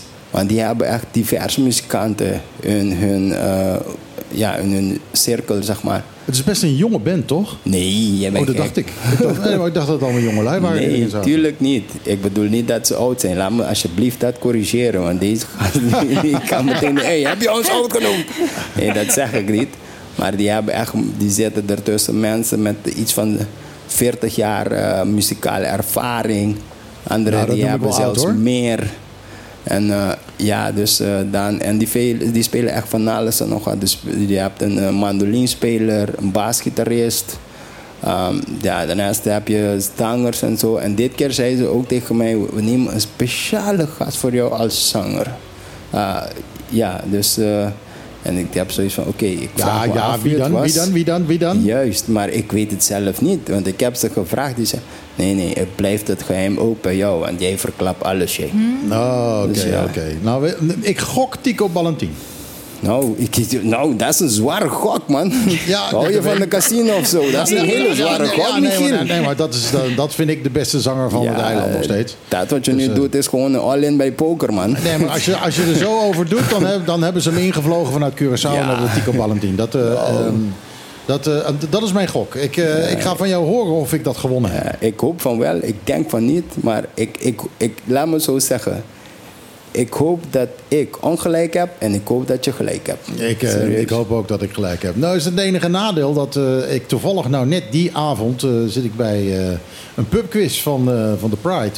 Dus ik ga het weer missen. Nou, nee, sterker nog, even, even rectificatie. Want we hebben het over de 24 dus je bent op ons feest. Oh, maar, oh. sorry, sorry, sorry hoor. Ik vind we eerst naar magazine, even douchen en dan naar ons. Ja, de, de, de combinatie. Nou, ja, ik vind dat is een combinatie. Ik Bij mijn vrouw krijg ik dat er trots niet op in. het eiland en dan trots op te kunnen zijn Ja, ja Zie? zeker. zeker. Ik, dan zou ik het alleen moeten doen. Want bij, bij mijn vrouw krijg ik het niet in. Ik heb altijd ruzie met mijn vrouw. Ik wil altijd en en. En ze zegt nee, het is of of. Oh, En- maar deze dat, is eh, wel echt inderdaad maar, iets. Ik vind ja. van en en. En ik wil dan ook, hoop ik, wat wij heel leuk zouden vinden, zijn de mensen inderdaad die eh magazine inderdaad Nochelee gaan bezoeken. Ehm, als die ook inderdaad zeggen, we rijden toch, hè, dan staat naar Camina.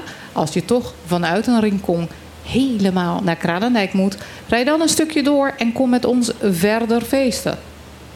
Most welcome. Juist. Superleuk. Ja. Nou, dat is een Kijk, hele mooie combi. Ik denk dat ik het bokje ben. Ik denk dat ik zwaar het bokje ben. Nu wel. Ik denk dat ik die avond is- wel heel goed kan, zal kunnen slapen. Dat, eh, dat mogen duidelijk zijn. 24ste dus. 24 Ja, juni. precies. En ver- vergeet niet, dit keer is het van drie smiddags. Van drie uur s middags tot acht uur s avonds. Eh, bij uh, Magazinerij. door. Juist, Als je erin komt, binnenkomt rijden, eh, rechts zie je dat prachtige grote gebouw staan met al die kleine oude eh, gebouwtjes ernaast. Dat is Magazinerij. En als je er nog nooit geweest bent, dan eh, moet je je helemaal schamen en daar heel gauw wat aan doen. Nou, Dankjewel. wel zie. Dankjewel. Dankjewel, Easy. Eh, nou, dan zie ik jou dus de volgende week. Ehm, Leuk. dat is, toch- is dat, ja, dat is toch 24, is toch volgende week? Jawel. Ja, jawel. Volgende week, Zeker, jazeker. zeker, zeker. Jazeker. Bon, nou dit was op de klippen en het was wel heel erg druk met eh, van alles en nog wat. We kunnen nog een eh, laatste nieuwtje gasten. doen. Oké, heb je er nog één? Nee, ik doe Nou, dan heb ik een nieuwtje, want ik wil eigenlijk alle spelers van Bonaire, van de Special Olympics, wil ik. Ik ben nu heel brutaal. Namens ons allemaal aan deze tafel, iedereen, we wensen jullie zo ongelooflijk veel succes. De opening is net geweest in Berlijn. Het zijn eh, fantastische mensen die Bonaire gaan promoten op sport. Dit jaar zwemmen en bolas. En ik weet zeker dat ze de 26e met ontzettend veel bekers, medailles terug gaan komen. En ik vind eigenlijk, wij zijn er dan gewoon, toch? Kunnen we afspreken. We staan op de airport. ehm, want ook dit is inclusiviteit. Diversiteit en inclusiviteit. Special Olympics. Bangpe. Hasinos proud. Sibota escuchanos. Bang, bang, bang, bang, bang. Ja, maar weet jij wanneer ze terugkomen dan? 26, 26 Oh, bin- juni. Oké, oké. Eh, nou ja, goed. Hoe laat? Ze komen waarschijnlijk met de KLM, dus ik verwacht zo rond half acht. Maar we moeten het gewoon een beetje in de gaten gaan houden. En ik eh, ga jullie appen. Eh, want een van onze mensen van EQ, eh, die is daar nu. Die heeft ons moeten teleurstellen. Niet teleurstellen. Jaira, je hebt ons niet teleurgesteld. Dit heb je heel goed gedaan. Er moest een wisseling zijn, want er is iemand ziek geworden. Een van de coaches is ziek geworden. En Jaira is dus later eh, gaan vliegen. En net op de valreep vrijdag aangekomen. En vandaag dus de opening mee kunnen nemen. En dan vanaf morgen ehm, mensen steunen met hun sport. Nou Ja, daar gaan we het ongetwijfeld volgende week nog over hebben natuurlijk. Eh, maar volgende week is het hier ook een groot feestje. Dan zijn wij hier natuurlijk weer tussen 12 en 2. En dan zitten we midden in de Pride. Dus eh, dan maken we er een kleurig eh, gebeuren van. Met eh, heel veel gezellige muziek eh, en eh, eh, fleurige mensen lijkt me. Ja, en vanavond, Fabulous. vanavond nog eventjes eh, de Taste of Bonaire. Vanavond, Ja. oh ja, dat ook nog. eh, dat Straks. ook nog. Ach, Straks jongens. lekker eten. Oh Mhm. jongens, ik, eh, ik heb me laatst al gemeten, ge- ge- gemeten hoeveel ik nog woog. En ik ben nu gewoon weer twee kilo zwaarder. En dan krijgen we nog eens een keer de, de, de wanneer eroverheen. Maar dat nieuwe Eh, shirt kan dat het hebben hoor. Maar Ja, uh, Michiel, ja, ja, hoor, echt. ja. Jouw, jouw shirt, dit, Ja, nee, heb- maar dit is, gaat helemaal goed komen. Ja, ik heb een heel mooi Pride shirt van je gekregen. Dat, eh, eh, maar dat mocht ik nog niet aan. Volgende week heb ik het Volgende aan. week. Ik garandeer je, volgende week heb ik het aan. Ehm, zometeen na twee uur hoor je natuurlijk eh Ron Gijzen met de Klaar Top 20. En wij zijn er dus volgende week weer met een heel groot Pridefeestje hier ter plekke in Trocadero. Ik zeg, eh, jongens, uh, ajootje, cadeautje.